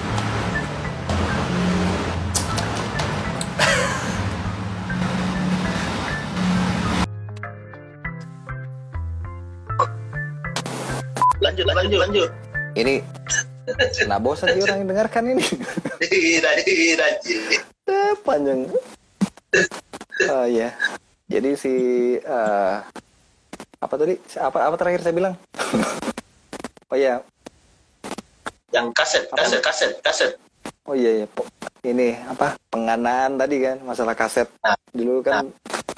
barang mewah, apa kan harus harus setidaknya punya tabungan harus ke pergi ke zaman dulu pesawat mahal lah ada naik pesawat. Naik kapal. Kapal laut kapal laut. naik pesawat ke sekarang. Iya dua hari itu dari dari Makassar ke Jakarta. Atau ke Surabaya satu dua dua puluh lima dua puluh enam dua puluh tujuh jam lah. Jadi dua puluh empat jam sampai di itu pelabuhan di Surabaya tiga jam baru merapat di pinggir. Tuh udah sampai di pinggirnya. Deh mau kasih turun begini saja itu. Tiga jam baru bisa turun. Dulu kayak begitu masih kapal. Jadi beda lah nah kayak sekarang. Oh iya. Ini jauh lagi sebelum yang tadi nah. Yang sebelum sebelum re, akhirnya balik yang 2013 bikin materi deh begitu. Tahun 2004 pergi ikut touring uh, ngicipin lah zaman uh, ada band band melodic hardcore dari Jerman namanya Free Living oh, Insanity. Oh, yang pernah upload di yang pernah upload di Instagram PGD. Ya ya ya ya itu ya ya ya. itu itu. Oh yang bantu juga itu live dulu Se sebelum ada Yudi. Uh, itu Pio Oh iya, oh iya. Iya, Hendrix itu itu dia sempat dia uh, agak-agak lama itu. sempat dia isi drum kalau live main dia yang main. Uh, jadi uh, awalnya itu kenapa jadi Pio yang main drum? Jadi gara-gara tahun 2004 kan dulu kan zaman orang email-emailan, zaman ya, ya. warnet awal-awal muncul tuh itu warnet di 2000-an awal itu kan zaman-zaman warnet. Terus Bobby itu dulu kerjaannya sambil kuliah itu dia dia penjaga warnet. Penjaga warnet di lo tahu Ramayana itu yang Panakukang. Oh iya iya iya. Oh iya iya iya. Kan Petarani Panakukang gitu tuh kan ada ya. Ramayana tuh ya. sampingnya ada ruko-ruko itu samping di atas lantai duanya itu dulu ada warnet yang punya temannya Bobby. Bobby kerja jaga warnet di situ Nah dari dia mi eh, banyak salah satunya mensuplai downloadan-downloadan lagu, album, apakah video-video bokep gitu. Kerjanya tuh Bobby itu. Oh itu itu itu. Memang dia nak minum, dia nak uh, merokok, nak merokok, nak main cewek tapi bandar bokep. Itu. Bobby. ya tapi eh, ini nah sekarang jauh dia jauh lebih baik. Ya, ya. setelah ini beda beda zaman Di Makassar jadi ya? Di Makassar jadi ya, dia di Makassar sih sakit. Dia habis sakit itu. Oh, baru oh. sakit baru- agak parah terendam paru-parunya nggak bisa menyanyi sekarang. Baru siapa bisa gantikan Bobby? Pak nyanyi Ya, tinggi Dengan begitu suaranya yang suaranya yang khas. Iya, nah, nah. kan mendekati suara peremp itu range range perempuan, tinggi sekali. Nah, ada yang bisa itu makanya bagaimana ini? Nggak ada yang bisa gantikan. Jadi si si eh, main gitar banyak aja yang ganti, yang bisa nyanyi kayak dia, nah itu masalahnya. Ya. Siapa? Eh, nah itu Bobby dulu kan eh, kerja di warnet tadi kita. Apa tadi Ya, sama warnet. cerita kah? Ya, warnet. Eh, sebelumnya ini tadi sama cerita apa kan? Kaset kaset eh, eh, sama sama 2004 apa 2004 apakah? Oh iya, oh iya, itu kan email-emailan apa begitu ta? Eh, Dulu kan kontak-kontak sama teman-teman yang sin di luar kota, Jakarta, Bandung, apa segala macam. Kan dulu yang tadi rekaman, jadi rekaman sudah beberapa materi. Ini yang tiga album pertama ini tadi. Jadi yang pertama kan 2001 rekaman, yang kedua 2003, Oh, yang yang ketiga itu yang ada dia narsis migran apa segala macam itu ibaratnya rekaman paling bagus ya mi. Yang sudah proper secara bisa mengerti pakai metronom. Teknisnya oh pakai sound ulik dikasih bagaimana di. Itu dikerja sendiri betul-betul di bengkel. Dikerja di, mixing mastering dan segala macam produksi sendiri. Yang album Yang- Ordinary yang Kids, Ordinary Kids. nah itu yang kedua itu dikerja sendiri juga tapi nggak pakai metronom itu. Makanya sih pasti berantakan. Jadi itu jadi sebelum ada bengkel. Jadi itu sebelum ada bengkel musik. Jadi yang tadi kan Kak Cacang tuh yang pertama. Ya. yang pertama di Ya. Kak Cacang. Terus nah ada itu studio lagi itu hanya darurat di karena nggak enak di sama kita. Kasihan ini anak-anak. Gitu dikasih ya sudah mi ada mis ininya. Nah eh, yang kedua itu eh, ada teman temannya anak-anak di tongkrongan. Tetanggaku sebetulnya tetangga rumah itu punya teman. Eh ya, anak unhas ekonomi. Jadi kebanyakan itu anak-anak unhas ekonomi itu anak-anak bengkel. Jadi sin sebelum jadi bengkel itu anak-anak unhas ekonomi ini salah satu ini tetangga aku itu namanya Amang. Dulu di di, di saya kan di Mapala tuh tinggal. Dia tetangga rumah eh, tongkrongan di situ dia passionnya musik eh intinya itu tiba-tiba bikin usaha studio eh, studio latihan. Tapi alatnya betulan bagus. Kan zaman dulu studio latihan ala kadarnya itu maksudnya eh, jarang yang betul-betul drumnya nak pecah simbalnya masih ya. asli maksudnya Ya. dulu kan bacrit ibaratnya sekali semua studio nah, iya. Susah mau latihan saja. Me wah susah cari yang bagus. Nah ini ada teman-temannya ini tiba-tiba bikin studio musik. Bagusan. Beli segala macam proper. Marshall apa apa wah wow, mewah sekali nih Nah, dibikin studionya eh, konsultannya itu Kak Cacang juga dari 52 buat peredamnya apa segala macam kalau nggak salah ingat ya. Jadi di, di, di, di desain segala macam ini bagus apa terus alatnya proper baru mau dibuka ini tempat. Nah ada ini ini, ini tempat baru mau dibuka boleh nggak sebelum dibuka kita pakai buat rekaman dulu. Kan sudah ditahu caranya tuh cara recording sama Pak Cacang Ya, oh ya. begini segala macam Ya, ya. alurnya. Bawa komputer lagi sendiri. Eh, coba coba. Kan ke Amang temannya Amang tadi teman kuliahnya tuh. Coba Amang. Itu eh, si teman teman tak yang itu si- siapa namanya? Dipanggilnya Unta saya lupa namanya. Karena dulu ada adalah karena orang maaf nih bukan. Bukan bukan masuk rasis. Waktu itu bang anak-anak kalau bercandanya begitu ada agak-agak Arab-Arab itu disebutnya unta. Terus ada yang ini disebutnya kuda. Gitu gitu anak-anak bercanda tapi bukan bukan maksud rasialis lah. Ya. Memang, oh dia menerima aja saja kayak begitu. Nah itu coba kalau kita sewa itu seharian berapakah blocking berapa jam itu dia buka sehari? Oh, gitu. kan dihitung tuh begini begini begini begini. Ya sudah kita sewa sehari itu dari pagi sampai malam kita pakai buat track recording Hmm. boleh nah kan belum di- disewakan jadi belum masih mulus alatnya kan belum ada yang Iya. pecah Iya. belum belum belum disewa itu dia baru mau buka terus di lobby lobby akhirnya eh boleh sekalian coba tes alatnya oh, semacam begitu boleh ya Sur. Ah, bisa bisa dia ayo mi karena kebetulan juga waktu itu yang saya sama Amang juga ngeband Hmm. band yang lain lagi Eh, jadi eh, namanya Bad Monica waktu itu sekalian nih kalau dua band yang berbeda ini ah, PGD sama itu nih sekalian jadi patungan. Nah, kita patungan buat recording tracking buat blocking buat bayar satu hari itu disewa itu studio.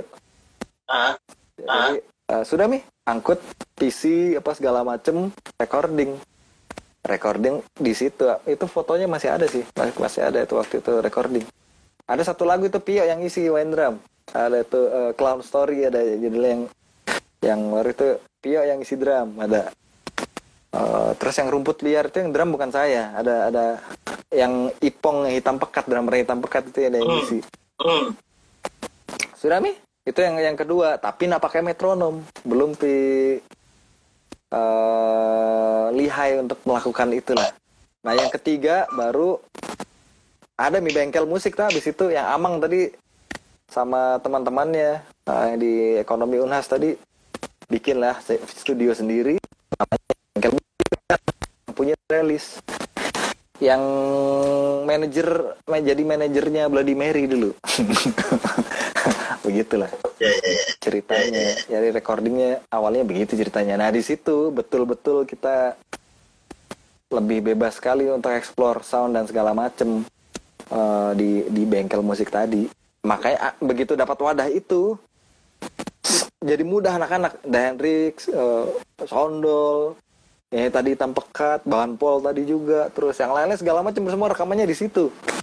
Di bengkel semua. Karena terserah orang kita. Yang operatornya kan Amang eh Amang apa? Eh, Ipong kan paling seringnya. Kalau sama Ipong itu terserah nih diatur atur sendiri. Baru itu sering sekali itu di diakalin si siapa si si relis relis bilangnya sekian jam kita rekamannya bablas. Wah, itu sering sekali. Kelakuan kelakuannya kayak begitu itu. Oh, tuh itu jangan ditiru ya. Lakukan yang baik lah buat teman-teman kalau rekaman ya. Kalau kau ambil satu shift ya bayarlah satu shift Ya, pakailah satu ya. shift. Jangan bilang satu shift, satu sih. diambilnya dua hari. Ambil calon-calon malamnya di berusaha rekam diam-diam. Ya kayak begitulah. Itu ya saking carut sekali. Nah uang dulu pak. Iya kayak begitu. Tapi kira-kira, tapi kira-kira album yang terakhir ini bakal terakhir ini bakalan keluar atau keluar atau saja begitu saja. Insya Allah jadi jadi Insya Allah itu memang harus keluar pak terakhir. Karena abis itu nggak ada mini band. Harus Berarti last album, berarti last album. Ah, iya penutupan. Karena tadi yang alasan pertama ketemu Ardi tadi tuh yang di Bandung. Dia bilang kan tidak jelas ini band bagaimana? Karena pas tahun 2007 atau 2006 2007 eh 2007 2008 masih udah terlalu eh, inilah. Tiba-tiba lagu diam itu diputar di Prambors Jakarta. Push, push. baru nggak tahu siapa kasih masuk ini nah ada yang tahu. Waktu itu saya nggak tahu tuh saya kan iseng bisa aja. Waktu itu saya, saya sudah di Jogja minta Nah, kan ada yang acara apa kan apa bas eh apa apa lagi namanya? Ada ada acara-acara indinya begitulah yang relay dari Jakarta. Tiba-tiba posisi tiba-tiba di posisi kedua waktu itu. "Wih, siapa ini yang kirim? Bingung nggak ada yang tahu. Iqbal nggak tahu di mana Bobby di mana segala macem. Terus minggu berikutnya lagi saya, saya ikuti saya cuma dengar dengar saja. Tiba-tiba di posisi satu. Kan kalau di posisi satu harus diinterview ya. sampai Ya. nggak tahu dia mau hubungi ke mana itu Prambors ini band ke mana ya hubunginya? Wih. ya, ya, ya, itu lu konyol lucunya begitu begitu hal kayak begitu. Ih masih berjalan orang-orangnya. Saya nggak peduli. Maksudnya kayak begitu begitu terakhir terakhir terus. Nah itu gara-gara Ardi bilang begitu tuh mau bagaimana ini terus dia coba yakinkan. Maksudnya eh jadi sebetulnya kan memang ya memang memang memang awareness dan kesadaran dan segala macam kan waktu itu kan nggak kayak begitu ya. Memang memang ibaratnya kan ya ibaratnya kita cerita peradaban lah. Tumbuh kembang sebuah peradaban itu kan ada ibaratnya kayak sama uh, uh, maaf ini bukan berarti ini ini membanding bandingkan ini sebagai ilustrasi saja nah. Ya, ibaratnya ya. kayak sama kayak di Bandung sekarang sama nanti pergi ke Malang. Ke Malang kan uh, sama-sama dingin tempatnya kan di pegunungan juga. Terus uh, ya maksudnya model-model banyak tanaman apa segala macamnya apa konturnya segala macam kan mirip. Cuman kalau kita pergi ke sana ibaratnya kayak ini Bandung 10 tahun yang lalu gitu ada. Jadi uh, beda secara tumbuh perkembangan kayak ibaratnya sekarang uh, kayak orang ibaratnya sekarang uh, baru baru baru ngeh. Itu makanya ada sebelahnya ada istilah negara dunia ketiga ada ada yang negara berkembang apa ya apa negara yang di atasnya gitu gitulah kan kor kita Asia itu kan yang punya uh, negara dunia ketiga. Karena memang secara incapacity secara sosial masyarakatnya belum sampai bisa memahami itu jadi kayak begitu. Uh, jadi uh, nah kayak makanya kayak dulu nih kayak kayak zaman zaman anak-anak dulu pas di di Makassar. Ya pas terakhir terakhir saya uh, di sana itu nah ada itu band disebut band hardcore betul di Makassar sebenarnya ibaratnya nah ada itu band hardcore yang sesuai rootsnya. Era sebelumnya itu nah ada. Karena uh, memang belum uh, belum ada yang aware belum ada yang masih ini ke punk punk rock melodic atau crashcore yang gitu gitu. Nanti yang ini kan trash sebelumnya grindcore apa begitu. Yang disebut hardcore itu bagaimana? Nah ada yang paham di anak-anak nah ibaratnya begitu kurang kurang ini dengar tapi tapi itu rootsnya bagaimana kah nah kan sekarang kan kayak ada frontside ya ada ya, ya maksudnya banyak lain itu oh iya tahu rootsnya akarnya jelas tuh oh dia dengarkan ini terus ini begini. Pas zaman saya dulu di, di waktu di sana nah ada itu yang ini hardcore yang yang jadi disebutnya kayak Rage Against the Machine RATM itu disebutnya hardcore kayak entah uh, apa uh, entah jadi rancu nyampur. Kayak soulfly disebutnya hardcore waktu itu begitu. Tapi itu kan bukan hardcore. Jadi kan kalau secara rootsnya kan bukan gitu. Hardcore uh, yang old school entah new school pokoknya bukan lah gitu kan. Pupen dibilangnya hardcore itu kan Pupen bukan hardcore. Band Bandung itu nggak bisa kan gitu nah uh, jadi awarenessnya belum sampai ke situ belum paham ada youth crew yang yang begitu-begitu belum. Memang memang masanya beda. Nah ya datangnya setelahnya tuh makanya ada yang sekarang ya. anak ngerti ya. aktor.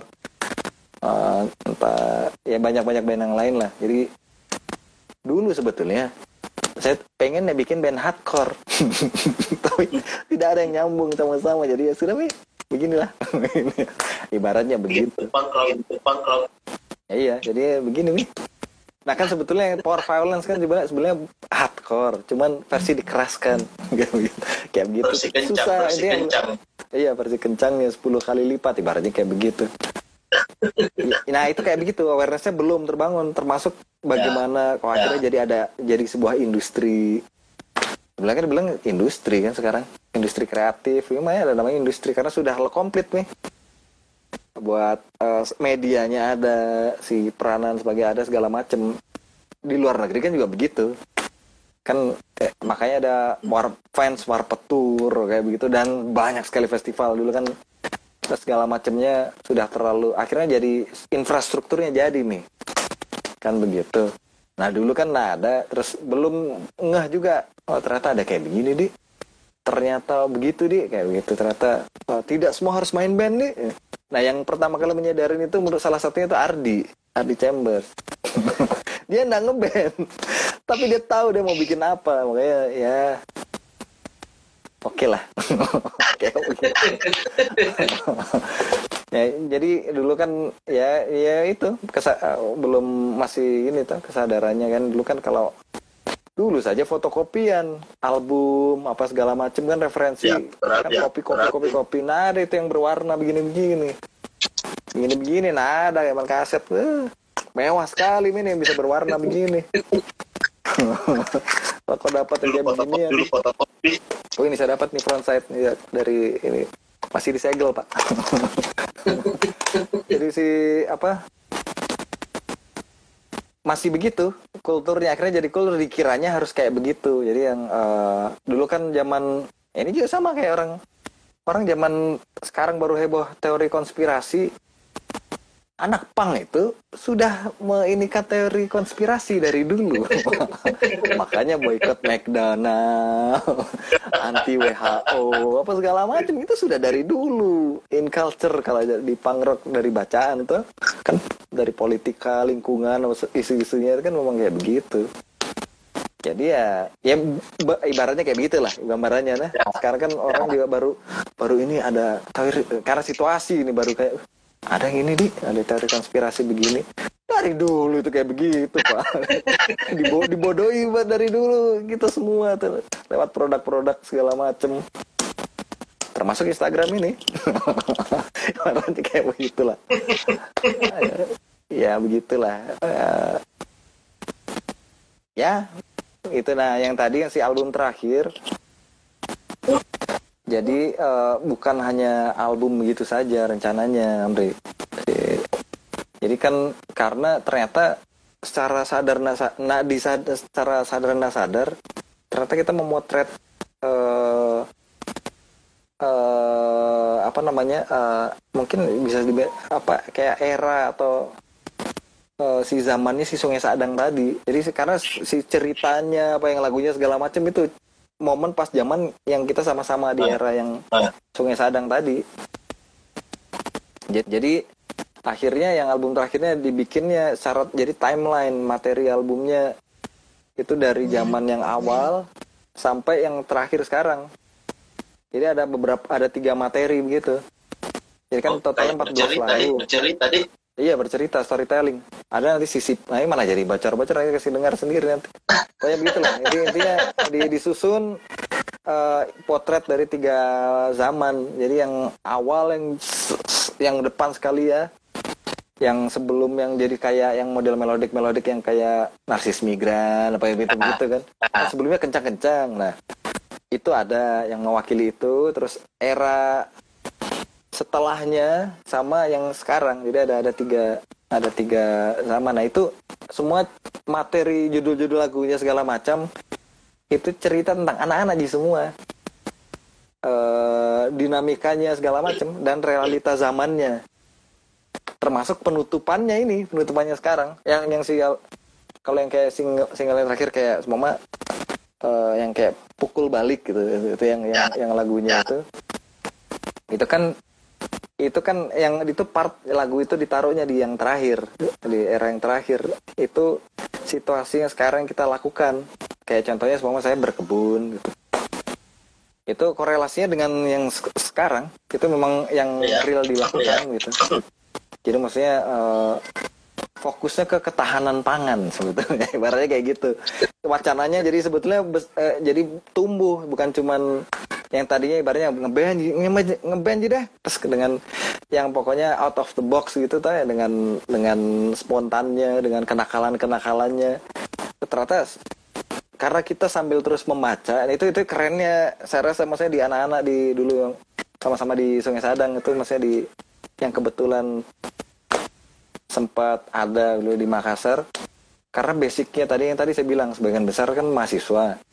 Ya zaman era-era setelah reformasi terutama jadi wacana politiknya itu kan tinggi. Awarenessnya jadi tinggi. Jadi semua itu basicnya dari wat dari literat literasi. Jadi lebih semua baca. Semua dari bacaan basic basicnya di anak-anak yang uh, makanya uh, pada ibaratnya uh, bisa, bisa dibilang kayak tajam lah secara pemikirannya, secara idenya. Tapi skill nol, nggak ada yang jago, nggak ada yang musisi. Di anak-anak itu yang bisa betul-betul dibilang musisi itu cuman Fahmi Ji paling. Yang dia betulan dia bisa main, dia bisa main. Maksudnya darah seninya betul-betul bagus. Maksudnya, emang dia bakat gitu. Maksudnya yang kalau di anak-anak yang yang dia pegang apa saja bagus gitu. Mau kau main drum bisa, mau megang keyboard dia kan selalu main keyboard. Iya iya iya sih, paham itu. Terus uh, yang gitu yang begitu yang betul-betul uh, ininya bagus. Pahami pahami jadi sebetulnya. Yang lain-lain berusaha untuk menjadi pemain musik atau musisi tapi sebenarnya nggak nyampe. Tapi ide banyak. Keinginan banyak bisa dikasih ini segala macem makanya banyak idenya makanya banyak idenya apa iya banyak ide banyak ide iya termasuk makanya PGD juga PGD juga banyak idenya Ya, punya itu sih. oh iya, makanya bikin yang bikin ini. Kopi, kita bikin kopi. Oh iya iya yang terakhir. kenapa bisa kenapa bikin kopi kan prinsipnya sebetulnya dibilang barang basi sih. Jadi kan yang tadi saya bilang berkebun kan 2013 ta? Ah. 2013 ah. itu. Jadi bikin mie terakhir deh. Set begini ta. Bikin kan sudah ada nih jawabannya sebetulnya itu tadi kan endingnya begini kita pilihannya begini ditutupnya begitu nih sudah dengan realita zaman yang sebetulnya emang kayak begini nih nah ke, ini situasi corona ini sebenarnya keren sekali ini sebetulnya dalam artian maksudnya uh, ini tuh situasinya sangat spiritual kenapa spiritual jadi uh, waktu awal si ini muncul dar ini kan kalau uh, situasi sekarang kan sebenarnya kalau kita bicara teori konspirasi ini kan memang sudah di planning kan. Jadi memang memang 2012 itu kenapa disebutnya akan kiamat itu sebenarnya bisa dijelaskan bisa terjelaskan. Uh, itu bisa nyambung ke situ.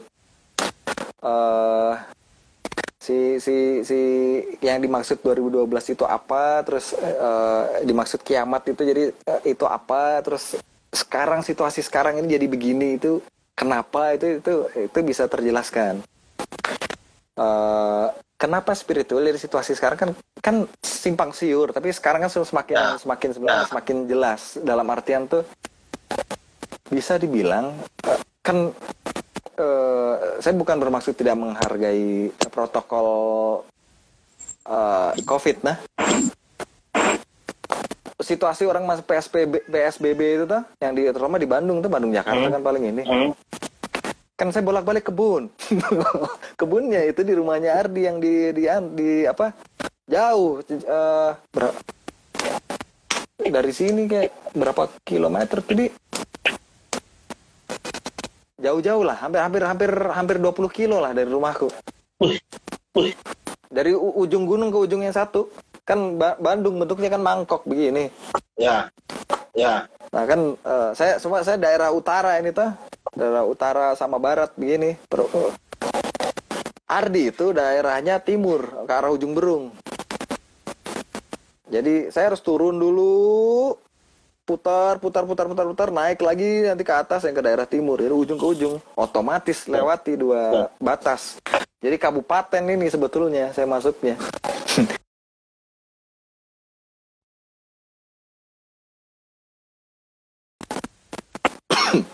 kalau bidang pangan kan bisa pakai surat bisa lewat ya sudah jadi orang pada stay at home jadi jadi ini apa? Kami di kebun anda di rumah saja. Itu kayak begitu. Nah, nanti nanti pih ada ada hal-hal yang lain. Makanya nah uh, jadi sebetulnya jadi jadi nggak berhenti sebetulnya hal-hal yang karena kalau basicnya kalau kalau saya pribadi Eh, saya hikmah gitu. Misalnya ya Bobby juga. Biasanya kan suka su ya biasanya ngulik. Sampai sekarang kan suka ya. baca ya. apa ke segala macam gitu tuh uh, nah uh, kayak saya pas di Jogja juga terus abis itu di Bandung kan saya betul-betul uh, masuk di lingkungan-lingkungan baru. Jadi nah, nah, nah di makanya kalau dulu ini musik kan ibaratnya oh ya begitu begitu justru sebetulnya. Ya. maksudnya kan segala macamnya ya. atau ya begitu sih. Dari dari 2006 itu sudah ke, kebaca kayak begitu misalnya sih begini saja. Saya ke Jogja saya kan nongkrongnya ke anak-anak Dum 65 dulu. Kalau tahu ada uh, band model street punk begitu yang sangat horor sekali di di Jogja itu ada namanya Dum 65 uh, yang base campnya di West Mandala. Uh, Mandala Krida tuh yang di nah dulu saya tongkrongnya juga di sana. Jadi melihat segala macamnya sama aja ya begitu begitu saja. Dan yang naik turun apa segala macam. Jadi belajar mengulik hal yang lain. Jadi kayak cukup nih uh, urusan dengan audiovisual yang terutama dengan musik dan scene underground dan lain-lain Nah, di situ mi di, dicari yang lebih dalam lagi. Kayak kan dulu kalau pang pang itu kan identiknya dulu kan protes kan emang demo. Ya. Yang ya. di pro-nya kan buruh tani, yang itu-itu kan. nah, kan dulu kan tapi sebatas itu ji tahunya kan. Penggusuran apa kayak begitu-begitu yang pokoknya yang inilah. Nah, itu bagaimana cara kerjanya? Nah, itu kan uh, waktu itu kan nggak sampai detail sampai termasuk ke dunia pendidikan. Kenapa kita dicetak kayak robot segala macam dulu? Itu itu yang itu yang kebetulan saya pribadi yang diulik apa yang dilakukan selama ini. Jadi makanya jadi kak guru sempat itu gitu ngajar di sekolah, sekolah ajar ajar ajar di sekolah. Terus uh, habis itu ulik sampai ke jadi uh, ke makanan tadi, ke tanaman dan makanan dari situ. Jadi relate semua yang kenapa benci McDonald. Itu jadi bisa lebih terjelaskan dulu. Dulu kayak boykot boykot uh, junk food. Apa fast food perusahaan fast eh, sebenarnya kan itu kan simbol. Ya. Simbol. Ya. kan yang paling ibaratnya paling mentok banget kan si si McDonald kan. Karena dia punya end to end kan produknya dari dia tanam di sendiri ayamnya dia punya sendiri peternakannya segala macam sampai penjagalannya sampai jadi produk. Kayak begitu kan? So, itu buruknya tuh kayak bagaimana itu? Nah sekarang ketahuan nih. Uh, betul-betul real di depan mata kayak makanya uh, yang dilakukan sekarang salah satunya itu berkebun. Jadi uh, yang dibilang krisis pangan itu ketahanan pangan betulan terjadi maksudnya kayak begitu begitu si si si uh, orang kan semua mau ke kota anak petani saya mau ber, bertani. Nah sementara ya, ya. kalau pondasi yang ibaratnya kan kan kalau ini kan si tiga ini ta uh, kebutuhan itu uh, apa disebutnya? Uh, segitiga, segitiga Maslow entah ada itu kalau browsing browsing cari. Jadi orang kan kebutuhan dasar tuh pangan uh, sandang apa segala macam itu ta. Terus itu yang paling dasar tuh yang bawah di tengahnya lagi kan kebutuhan kayak rasa nyaman rasa aman kayak begitu. Nah, terus yang nah. paling puncaknya eksistensi apa segala macam kayak begini nih kayak Instagram orang apa uh, eksistensi eksistensi segala macam youtuber apa segala macam kan. Cuman uh, kalau ya, hal ini yang dirasa orang sebagai apa tujuan-tujuan utamanya maksudnya kayak hal uh, bukan kebutuhan dasar seperti yang sekarang sekarang begini. Uh. entah itu uh, dunia cobis ya begitu dunia panggung apa segala macem. Kalau dasarnya itu ambruk yang tadi karena situasinya ini sangat sangat dekat sekali ini yang di bawah ini si pondasi yang tadi. Ini dar gitu. Nah nah keren lagi men yang hal-hal yang kayak begini-begini jadi nah kita sebenarnya di ujung tanduk itu sebetulnya sangat dekat sekali. Uh, betapa apalagi situasi sekarang mau mi perang begini tapi nah, nah, nah orang kalau nak aware bisa shock sekali sebetulnya. Kita kan di, di, di situasi yang sangat kita di tengah-tengah lah sebetulnya. Ya semoga kecipratannya tidak terlalu fatal itu, itu yang bahaya. Kayak begitu. Nah cerita hal kayak begitu sebetulnya. Berangkat utamanya lewat kopi salah satunya ya, kan? ya. Kan kopi juga kan ini kan sekarang yang banyak kan populernya kan kopi kayak makanya banyak kedai kopi modern yang yang urban-urban sekarang kan itu uh, dianggap disebutnya kan uh, kopi gelombang ketiga.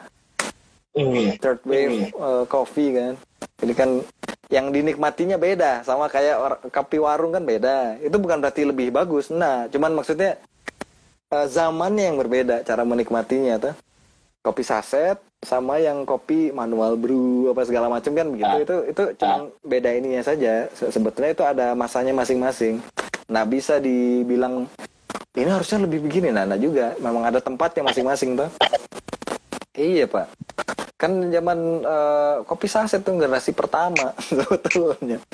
Generasi kedua tuh espresso kayak begitu begitu tuh Nah intinya itu benang merahnya sampai sekarang itu kan yang generasi ketiga ini kan modelnya militan-militan tadi DIY-nya kuat, uh, apa uh, sampai dari petaninya yang begini kan ditahu dari mana ini biji terus bagaimana prosesnya segala macamnya kayak begitu.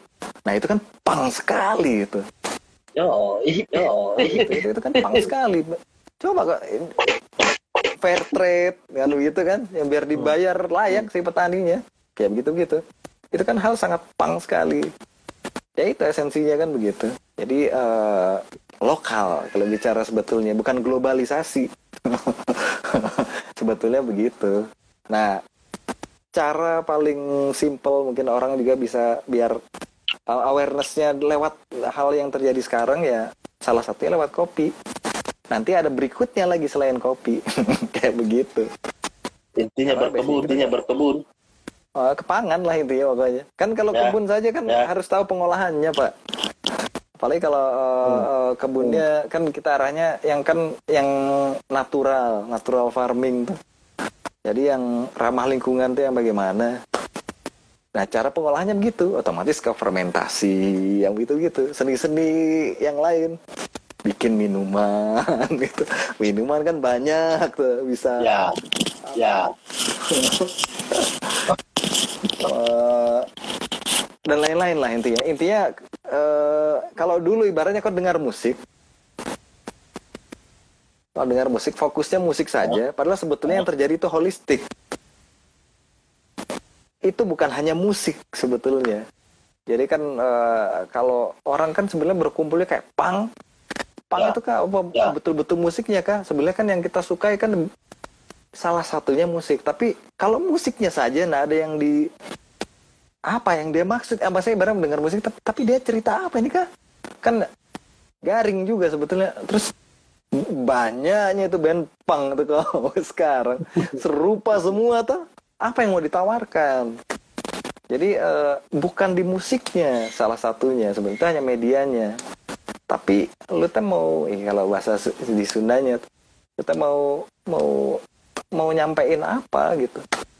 Uh, apa wacana yang karena medianya kan. Jadi si si uh, lu mau menyampaikan realita apa di kehidupan ini yang masih masih ada hubungannya langsung kan begitu jadi makanya kita nak band-bandannya juga nak bukan ya makanya se- yang sesu, yang per- yang butuh saja maksudnya. Kayak perlu deh eh, main lagi kalau enggak ya enggak usah nih nggak usah Bu- buat apa? Karena memang media itu tadi menyampaikan. Jadi eh, makanya sekarang ini yang dibilang dulu yang dulu diperjuangkan ber- eh, buruh tani buruh tani itu cocok sekali. Ini sekarang momennya homicide saja. Pang sekali pak. Cerita politikal dan perjuangan itu. Homicide tuh band pang bukan band hip hop kayak gitu. Maksudnya kan paham kan esensinya yang yang yang yang yang apa yang mau disampaikan. Jadi bukan musiknya. Tapi musik ya perlu. Dalam artian kan wadah kan. Ya, jadi ya. advertising musik jadi punk itu gerbang advertising modern kan punk rock desain-desain apa ke segala macam yang ada di mall-mall itu segala macam basicnya dari pondasinya dari estetika punk rock mbak coba cari sejarahnya kalau anak desain itu kayak gitu segala macamnya begitu ini cerita sekarang sibuk, kan? sekarang sibuk jadi, jadi, jadi sekarang sibuk sekarang apa ini Dil? Apa ini Dil? apa Sekarang lagi sibuk apa? Sekarang lagi sibuk apa? itu tadi berkebun jadi eh, ini ini ini jadi jadi eh, yang kebun ini ini yang sekarang Ah. ini Hah? jadi kan yang eh, berkebun ini eh, project eh, project sebenarnya makanya eh, kalau dibilang eh, nanti lah nanti nanti nanti saya saya saya coba postingkan dan beberapa mungkin buat teman-teman yang tertarik untuk berkebun. Ini bukan cerita kebun saja ya sebetulnya ya. Ya, cerita Ya. esensi kehidupan lah. Ibaratnya gitu kan saya bilang situasi corona itu sangat spiritual. Iya kan? Orang suka pangrok juga kan bukan bukan karena ininya tapi spiritnya kan. Iya spiritual. Ya, entah itu hardcore entah itu apa. Pokoknya apa untuk pemberontakan rebel-rebel itu kan sebetulnya spiritual keyakinan gitu. Jadi si si yang ini yang dilakukan sekarang ini kan berkebunnya ini kan sama Ardi. Jadi eh, ini eh, berempat ini berempat keluarga ceritanya. Buat jadi ber- berkebun untuk memenuhi kebutuhan empat keluarga. Uh, jadi targetnya adalah dalam satu tahun ke depan semakin lama semakin lama nanti sudah setahun kita sudah nak beli apa-apa lagi. Buat makan kebutuhan harian segala macem. Betul-betul dari kebun. Jadi uh, survival mode-nya jalan. Begitu. Uh, dengan metode yang ngikutin pola alam. Karena natural farming itu kalau bahasa kerennya mungkin sekarang sebutnya permaculture lah. Kayak begitu. Nah jadi uh, itu yang dilakukan. Proyeknya ini sudah jalan masuk mau ja ini jalan bulan ketiga. Jadi baru kemarin baru beres infrastrukturnya.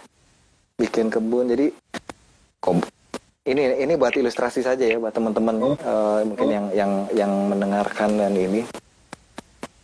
Uh, kalau bilang eh, berkebun kayak gimana saya saya nggak pernah apa segala macam bisa nah ya. Bisa. Karena saya saya dulu hal-hal yang berhubungan dengan alam apa segala macam buat saya nak keren sekali. Zaman dulu pak.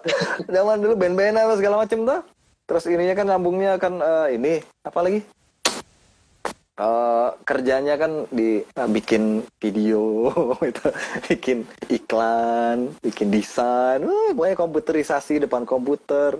Nanti uh, hang ibaratnya hangout gitu terus nongkrong di mana kah terus ke, ke, bertemu dengan orang-orang yang di di dunia industri showbiz dan selebihnya. Dulu kan buat saya itu yang hal yang paling keren tapi setelah belajar lebih lanjut lebih lanjut lebih lanjut estetika uh, dan banyak hal lainnya.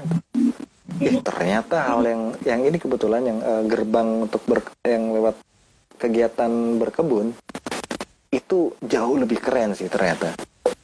Ketika kita uh, yang diulik itu ke ke hal eh, terutama untuk yang yang banyak bertanya nah hidup ini untuk apa kayak gitu gitu itu bilang tadi spiritual tadi terus uh, bagaimanakah segala macam ini jadi ter ah, jadi ada? Kayak begitu. Nah, baju ini kah? Terus uh, apa pun yang termasuk rokok yang kau sisap itu yang itu ceritanya bagaimana kayak dulu? Kayak begitu.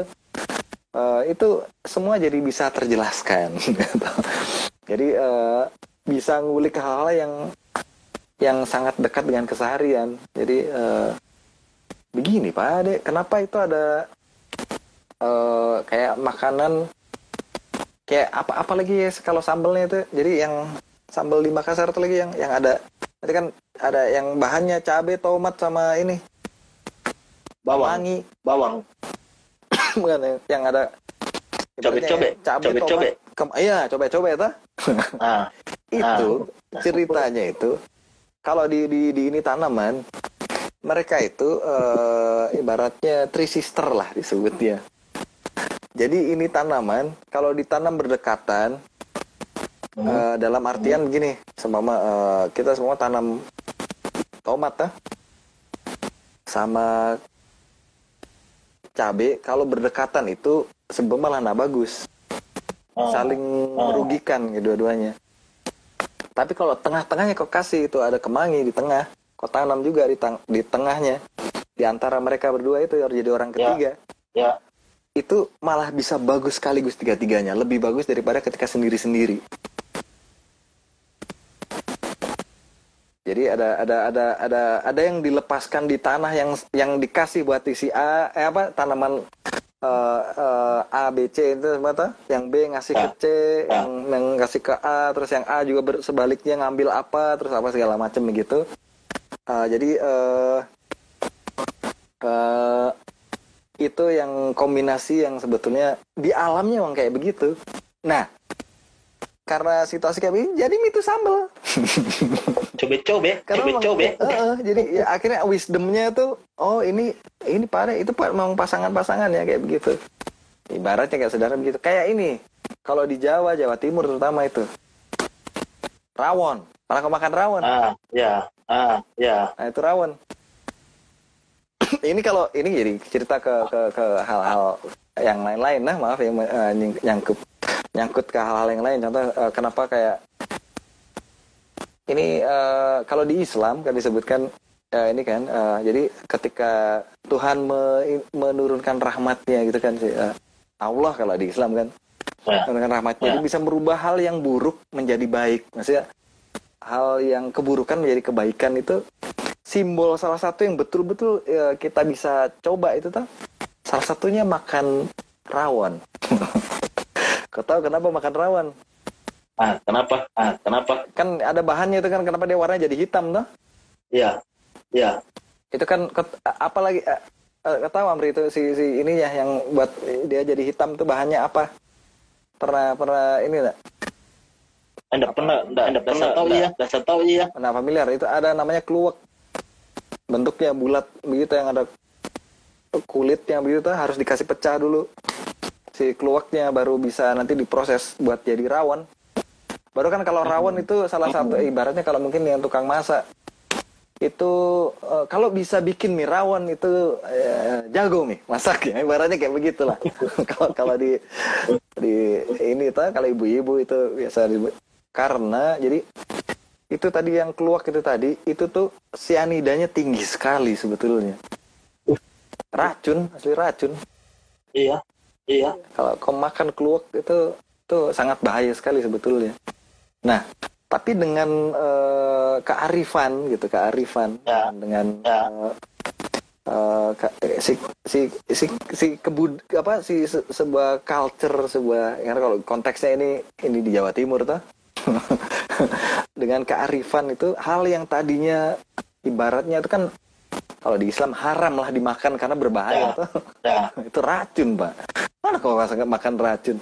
Tapi karena eh, kearifan dan dan dan hikmah yang didapatkan jadi bisa dimakan dan enak gitu. Ibaratnya begitu. Kayak begitu. Jadi jadi jadi oh begini pak kerjanya. Nah kalau eh, rasa ingin tahu sudah kayak begitu terus diulik segala macem bisa terjelaskan itu teori konspirasi pak. Lebih iya make sense. iya iya iya. Kalau gue ber- ber- berangkatmu hidupmu biasanya ya begitu saja. Terus tiba-tiba ketemu ya pasti kaget. Loh, ah, konyol sekali. Mana ini betul segala macam ya? Itu masing-masing ya. Cuman maksudnya ya itulah yang terjadi sebetulnya. Kita ada hal-hal yang di luar ini kita itu jadi sebetulnya slave in ano- another name itu ya terjadi begitu. Ini ceritanya dari ke mana-mana. Si album tadi cerita-cerita itu sebetulnya. Dari cerita band cerita band kebun datang ke kebun Iya, nah di situ. Intinya begitu. Jadi eh, dan bagaimana kan di tongkrongan dulu juga kayak macam-macam Ah, dari yang ah. meninggal jelas sih banyak ya. Beberapa temen. Sampai saya saya tuh terakhir terakhir saya waktu terakhir itu yang meninggal setelah op ya opan lah opan yang terakhir. Kan opan di Bandung. Ya. Yang sondol Ya. itu. Terakhir tuh saya sama si rekam rekam itu saya main ke rumahnya tuh. Dia sudah semakin eh melemah betul waktu itu betul-betul melemah sekali. Iya permaculture. Itu si eh, si Madi. Oh, ya, Madi salah ya, Madi satunya permaculture. Itu itu kalau permaculture itu eh, berkebun tapi memang paling populer sekarang karena kekuatannya di desain jadi kalau suka arsitektur arsitektur kehidupan itu ilmunya permaculture.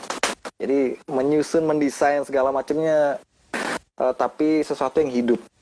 Berdasarkan eh, waktu. Jadi tak berapa bulan nanti ada yang setahun nanti jangka panjang lima tahun tujuh tahun nanti jadi bagaimana jadi. Kalau bahasa ininya kalau di anak-anak itu kalau berkebun model yang permaculture itu ibaratnya kita membangun taman Firdaus. Karena berikutnya kau nggak perlu lagi cangkul-cangkul pak. Iya. Di tahun di tahun pertama kedua ketiga itu yang beratnya. Tahun ketiga itu baru nanti eh, mulai sudah semakin minim pekerjaannya. Jadi ibaratnya itu eh, kayak orang pensiun lah.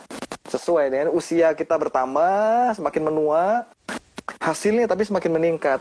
Jadi semakin orang semakin sulit semakin tua karena jasadnya. Fisiknya nggak bisa ini. Tapi eh, kebunnya pangannya sudah semakin disediakan dan mudah tinggal panen. Begitu idenya nah itu belajarlah itu by design begitu. Itu itu berkebun. Belum kok bikin segala macem. Nah bikin apakah bikin pan makanan minuman segala macem. Mau kok bikin seru sekali. Bisa bikin apa apa segala macam sendiri itu. Ah juara. Kopi juga kita tanam di kebun. Buat memenuhi kebutuhan sendiri. Nah salah satunya kayak bikin bikin minuman lah gitu. Fermentasi gitu. Nanti yang berikutnya kalau yang ibaratnya nguliknya bir gitu mau bisa bikin bir ya bisa bikin bir wine. Kalau yang tukang madolan tapi uh, lebih bagus yang lebih menyehatkan lah ya. Kayak begitu kayak kalau itu kombucha kalau itu kombucha itu kombucha? Ini kelasnya beda lagi nih cerita jadi kelas olahan. Uh, nah itu itu uh, oh ya kalau yang cerita tadi katanya kegiatanku apa tuh 2014 itu saya, saya uh, setelah jadi uh, saya kan uh, kan 2006 sampai 2009 itu kuliah hmm. sambil kerja kerja hmm. itu yang produksi uh, di PH begitu tuh ke TV apa yang begitu begitu ngicip ngicipin lah begitu habis dua habis itu 2010 sampai 2012 itu saya kan di ke Bandung nih dulu kan masih ya. di Jogja terus ke ya. Bandung uh, jadi guru itu uh, ngajar di sekolah uh, holistik begitu di Bandung. Setelahnya baru saya belajar berkebun itu setahun 2013 itu. 2014 sampai sekarang jadi uh, disebutnya ibaratnya apa nih artisan lah. Jadi jadi uh, bikin bikin produk fermentasi sendiri. Salah satunya itu tadi yang bilang kombucha, kombucha karena si kombucha, kombucha. itu sebenarnya dia kalau di luar kan kan mulai mulai banyak nih sudah lama cuman di sampai di Indonesia mungkin baru sekarang aware, aware ada awarenessnya lah orang-orang Nah, itu sebenarnya nah. simbol, simbol perlawanan itu. Ibaratnya apa? Uh, jadi kau bikin sesuatu, kalau kau beli, kau bisa bikin lagi sendiri di rumah. Jadi uh, ibaratnya gimana nih? Dan ini ini tuh minuman yang uh, dia minuman kayak ibaratnya minuman soda, cuman uh, ininya dia tidak membawa efek buruk buat badan, malah sebaliknya jadi hmm. kasih normal itu kadar basa di dalam badan. Nah, kayak situasi sekarang yang paling cocok nih. Orang takut sakit semua tuh. Kan kalau maksudnya virus penyakit apalagi kayak entah entah itu apa pun ya, virus, jamur itu kan masuknya di situasi asam. Ya, kayak di tanah ya. juga kalau kau lihat di, di habis mau mau hujan itu atau habis hujan. Tiba-tiba panas tuh, panas. Semua cuaca tiba-tiba hujan turun begitu. Terus habis itu tiba-tiba berhenti hujannya Pernah pernah pasti hmm. alami kayak begitu hmm. Ya. Nah kayak begitu ya. coba kau lihat itu di luar. Di situ tumbuh jamur itu pasti di mana-mana itu. Di bawah-bawah tanaman yang lembab-lembab, pohon-pohon besar apa. Itu nah itu artinya tandanya apa kalau ada jamur kalau lihat itu ada jamur artinya asam itu tempat entah itu tanah kah atau di eh, sit, apa kok eh, dia kondisinya asam nah di badan kita juga begitu kalau uh, kita terlalu asam, masuk nih itu tadi jamur sama virus apa segala macam di Masuk penyakit, masuk penyakit. Iya, ya otomatis itu kalau udah asam, virus dan kuman yang apa segala macam yang jamur itu masuk, sakit nih orang. Nah, ketika itulah yang sebetulnya itu situasi sekarang ini situasi panen, Pak, sebetulnya. Ya. Karena ya. Uh, habitnya orang modern sekarang kan kayak makan segala sesuatu kan uh, umumnya pakai minyaknya kan minyak kelapa sawit yang banyak yang dijual di mana-mana tuh. Hmm. Hmm. Bukan kelapa, beda yang di pasar sama yang kelapa sawit. Kalau kom, uh, it, ini saja sawit. sawit. mengkonsumsi yang dari ya, minyak minyak kelapa sawit yang banyak dijual mereknya entah apa apalah banyak tropikal apakah segala macam mau mau dua kali penyaringan mau mau berapa kali saring kalau kok goreng apa-apa pakai itu karakternya itu memang kalau dimakan itu kan rasanya ndak asam memang enak aja saja gorengan aja segala macam tuh tapi karakternya buat badan itu dia asam jadi kasih turun langsung ngedrop di badanmu jadi kalau banyak makan gorengan itu sebetulnya itu uh, uh, membuat badan jadi semakin asam nah bayangkan itu ada itu yang nggak lolos dari minyak kelapa sawit Zaman sekarang orang masak-masak di dapur. Iya, jadi kayak begitu lah. Karak ya begitu salah satu uh, apa? Itu salah satu, belum hal yang lain nah. Uh, belum kopi instan, belum lagi apalagi soda, minum cola apa segala macam yang minuman bersoda yang sodanya soda suntik tuh, bukan soda alami.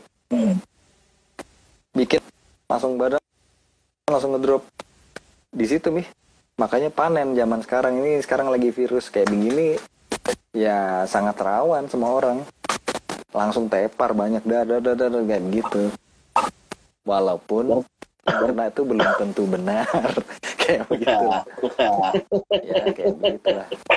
Ini perlu kekebalan perlu kekebalan tubuh. Iya nah yang kombucha tadi itu minuman soda alami yang difermentasi basicnya dari teh. Jadi kayak bir tapi tidak ada alkoholnya. Jadi bir tidak memabukkan tidak memabukkan. Tidak memabukkan. Tapi jadi asam-asaman yang baik gitu karena bisa disetel nah, bisa disetel jadi yang yang kerennya lagi makanya saya bilang tadi jadi artisan itu si kombucha itu dia bisa diulik hmm.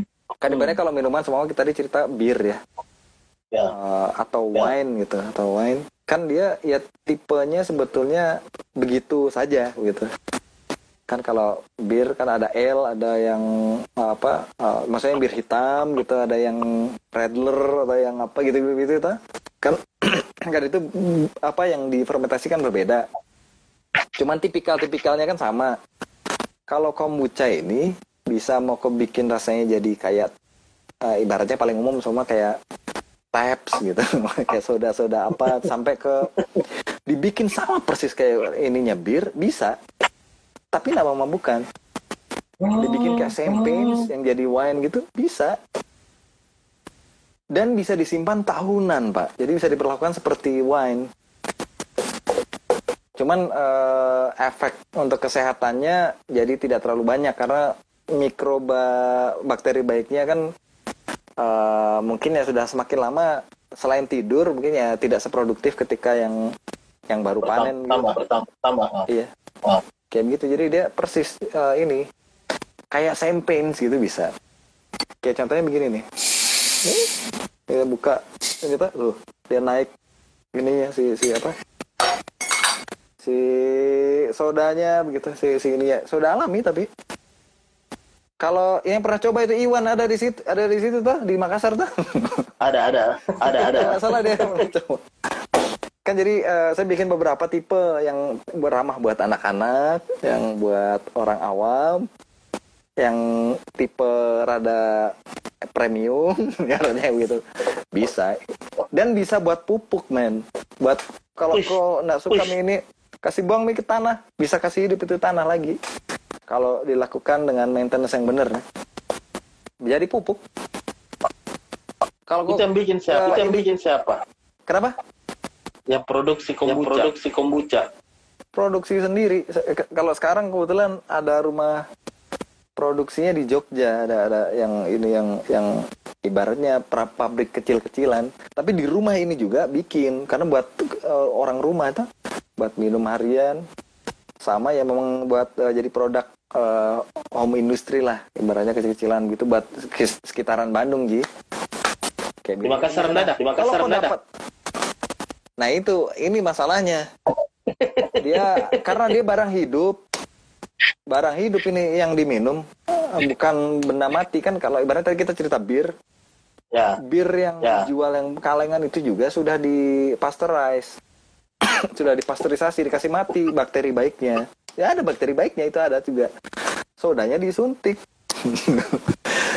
Jadi tidak jauh beda dengan Coca-Cola sebetulnya.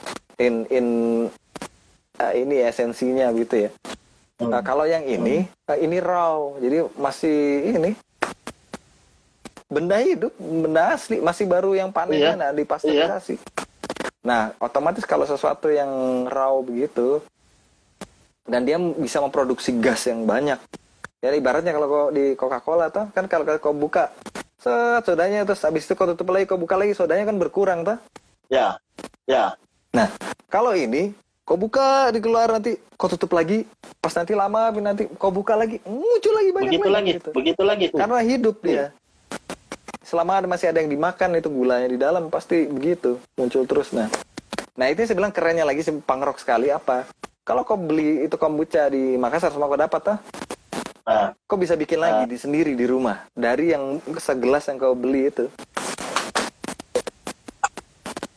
bisa di bisa digandakan. bisa digandakan. Bisa digandakan. Nah esensi dari berkebun dan segala sesuatu yang organik dan pangrok itu kan sebetulnya yang yang DIY dan segala macamnya punya orang punya kesempatan yang sama. Ya kayak ibaratnya internet sekarang ini juga ini kan pangrok sekali kan. Ya orang jadi kayak bisa dagang kayak kita bicara buka lapak kah atau Ya. apa ke Tokopedia atau kok, kok bikin channel ini sekarang? Kan jadi jadi bisa kan? Nah harus ke TV kan Ya. dulu saya alami Ya. itu zamannya apa apa harus ke pusat. Nah ini pangrok sekali. Nah sama ini kayak begitu esensinya. Kita jadi punya ini yang sama bisa berbagi kebaikan yang sama. Karena kalau dulu kan zaman awal-awal kan pangat segala macam kan nihilis. Kalau nihilis kan vandal gitu-gitu tuh dulu kan kelakuan-kelakuannya kayak begitu. Kasih apa ke eh, apa vandal-vandal begitu sekarang nggak nggak eh, nggak kayak begitu karena si industri eh, yang eh, apa yang sekarang berjalan ini eh, kapitalisme yang beredar sekarang ini yang yang sekarang terjadi yang kita nikmati produknya kalau kita ke warung-warung. Hmm. atau ke Alfamart ke apa kah yang itu segala macam isinya kan semua isinya produk dari eh, hanya kalau ditarik hanya dari enam perusahaan besar gitu sebetulnya semua itu mendesain untuk kerusakan jadi kasih rusak jadi kalau dulu Sisa 20 detik, sisa 20 detik. kenapa Sisa 20 detik, sisa 20 detik. oh iya iya oke oke ya sudah meh lanjut lagi atau bagaimana terserah kau Nanti lagi, nanti lagi. Iya, siap. dua.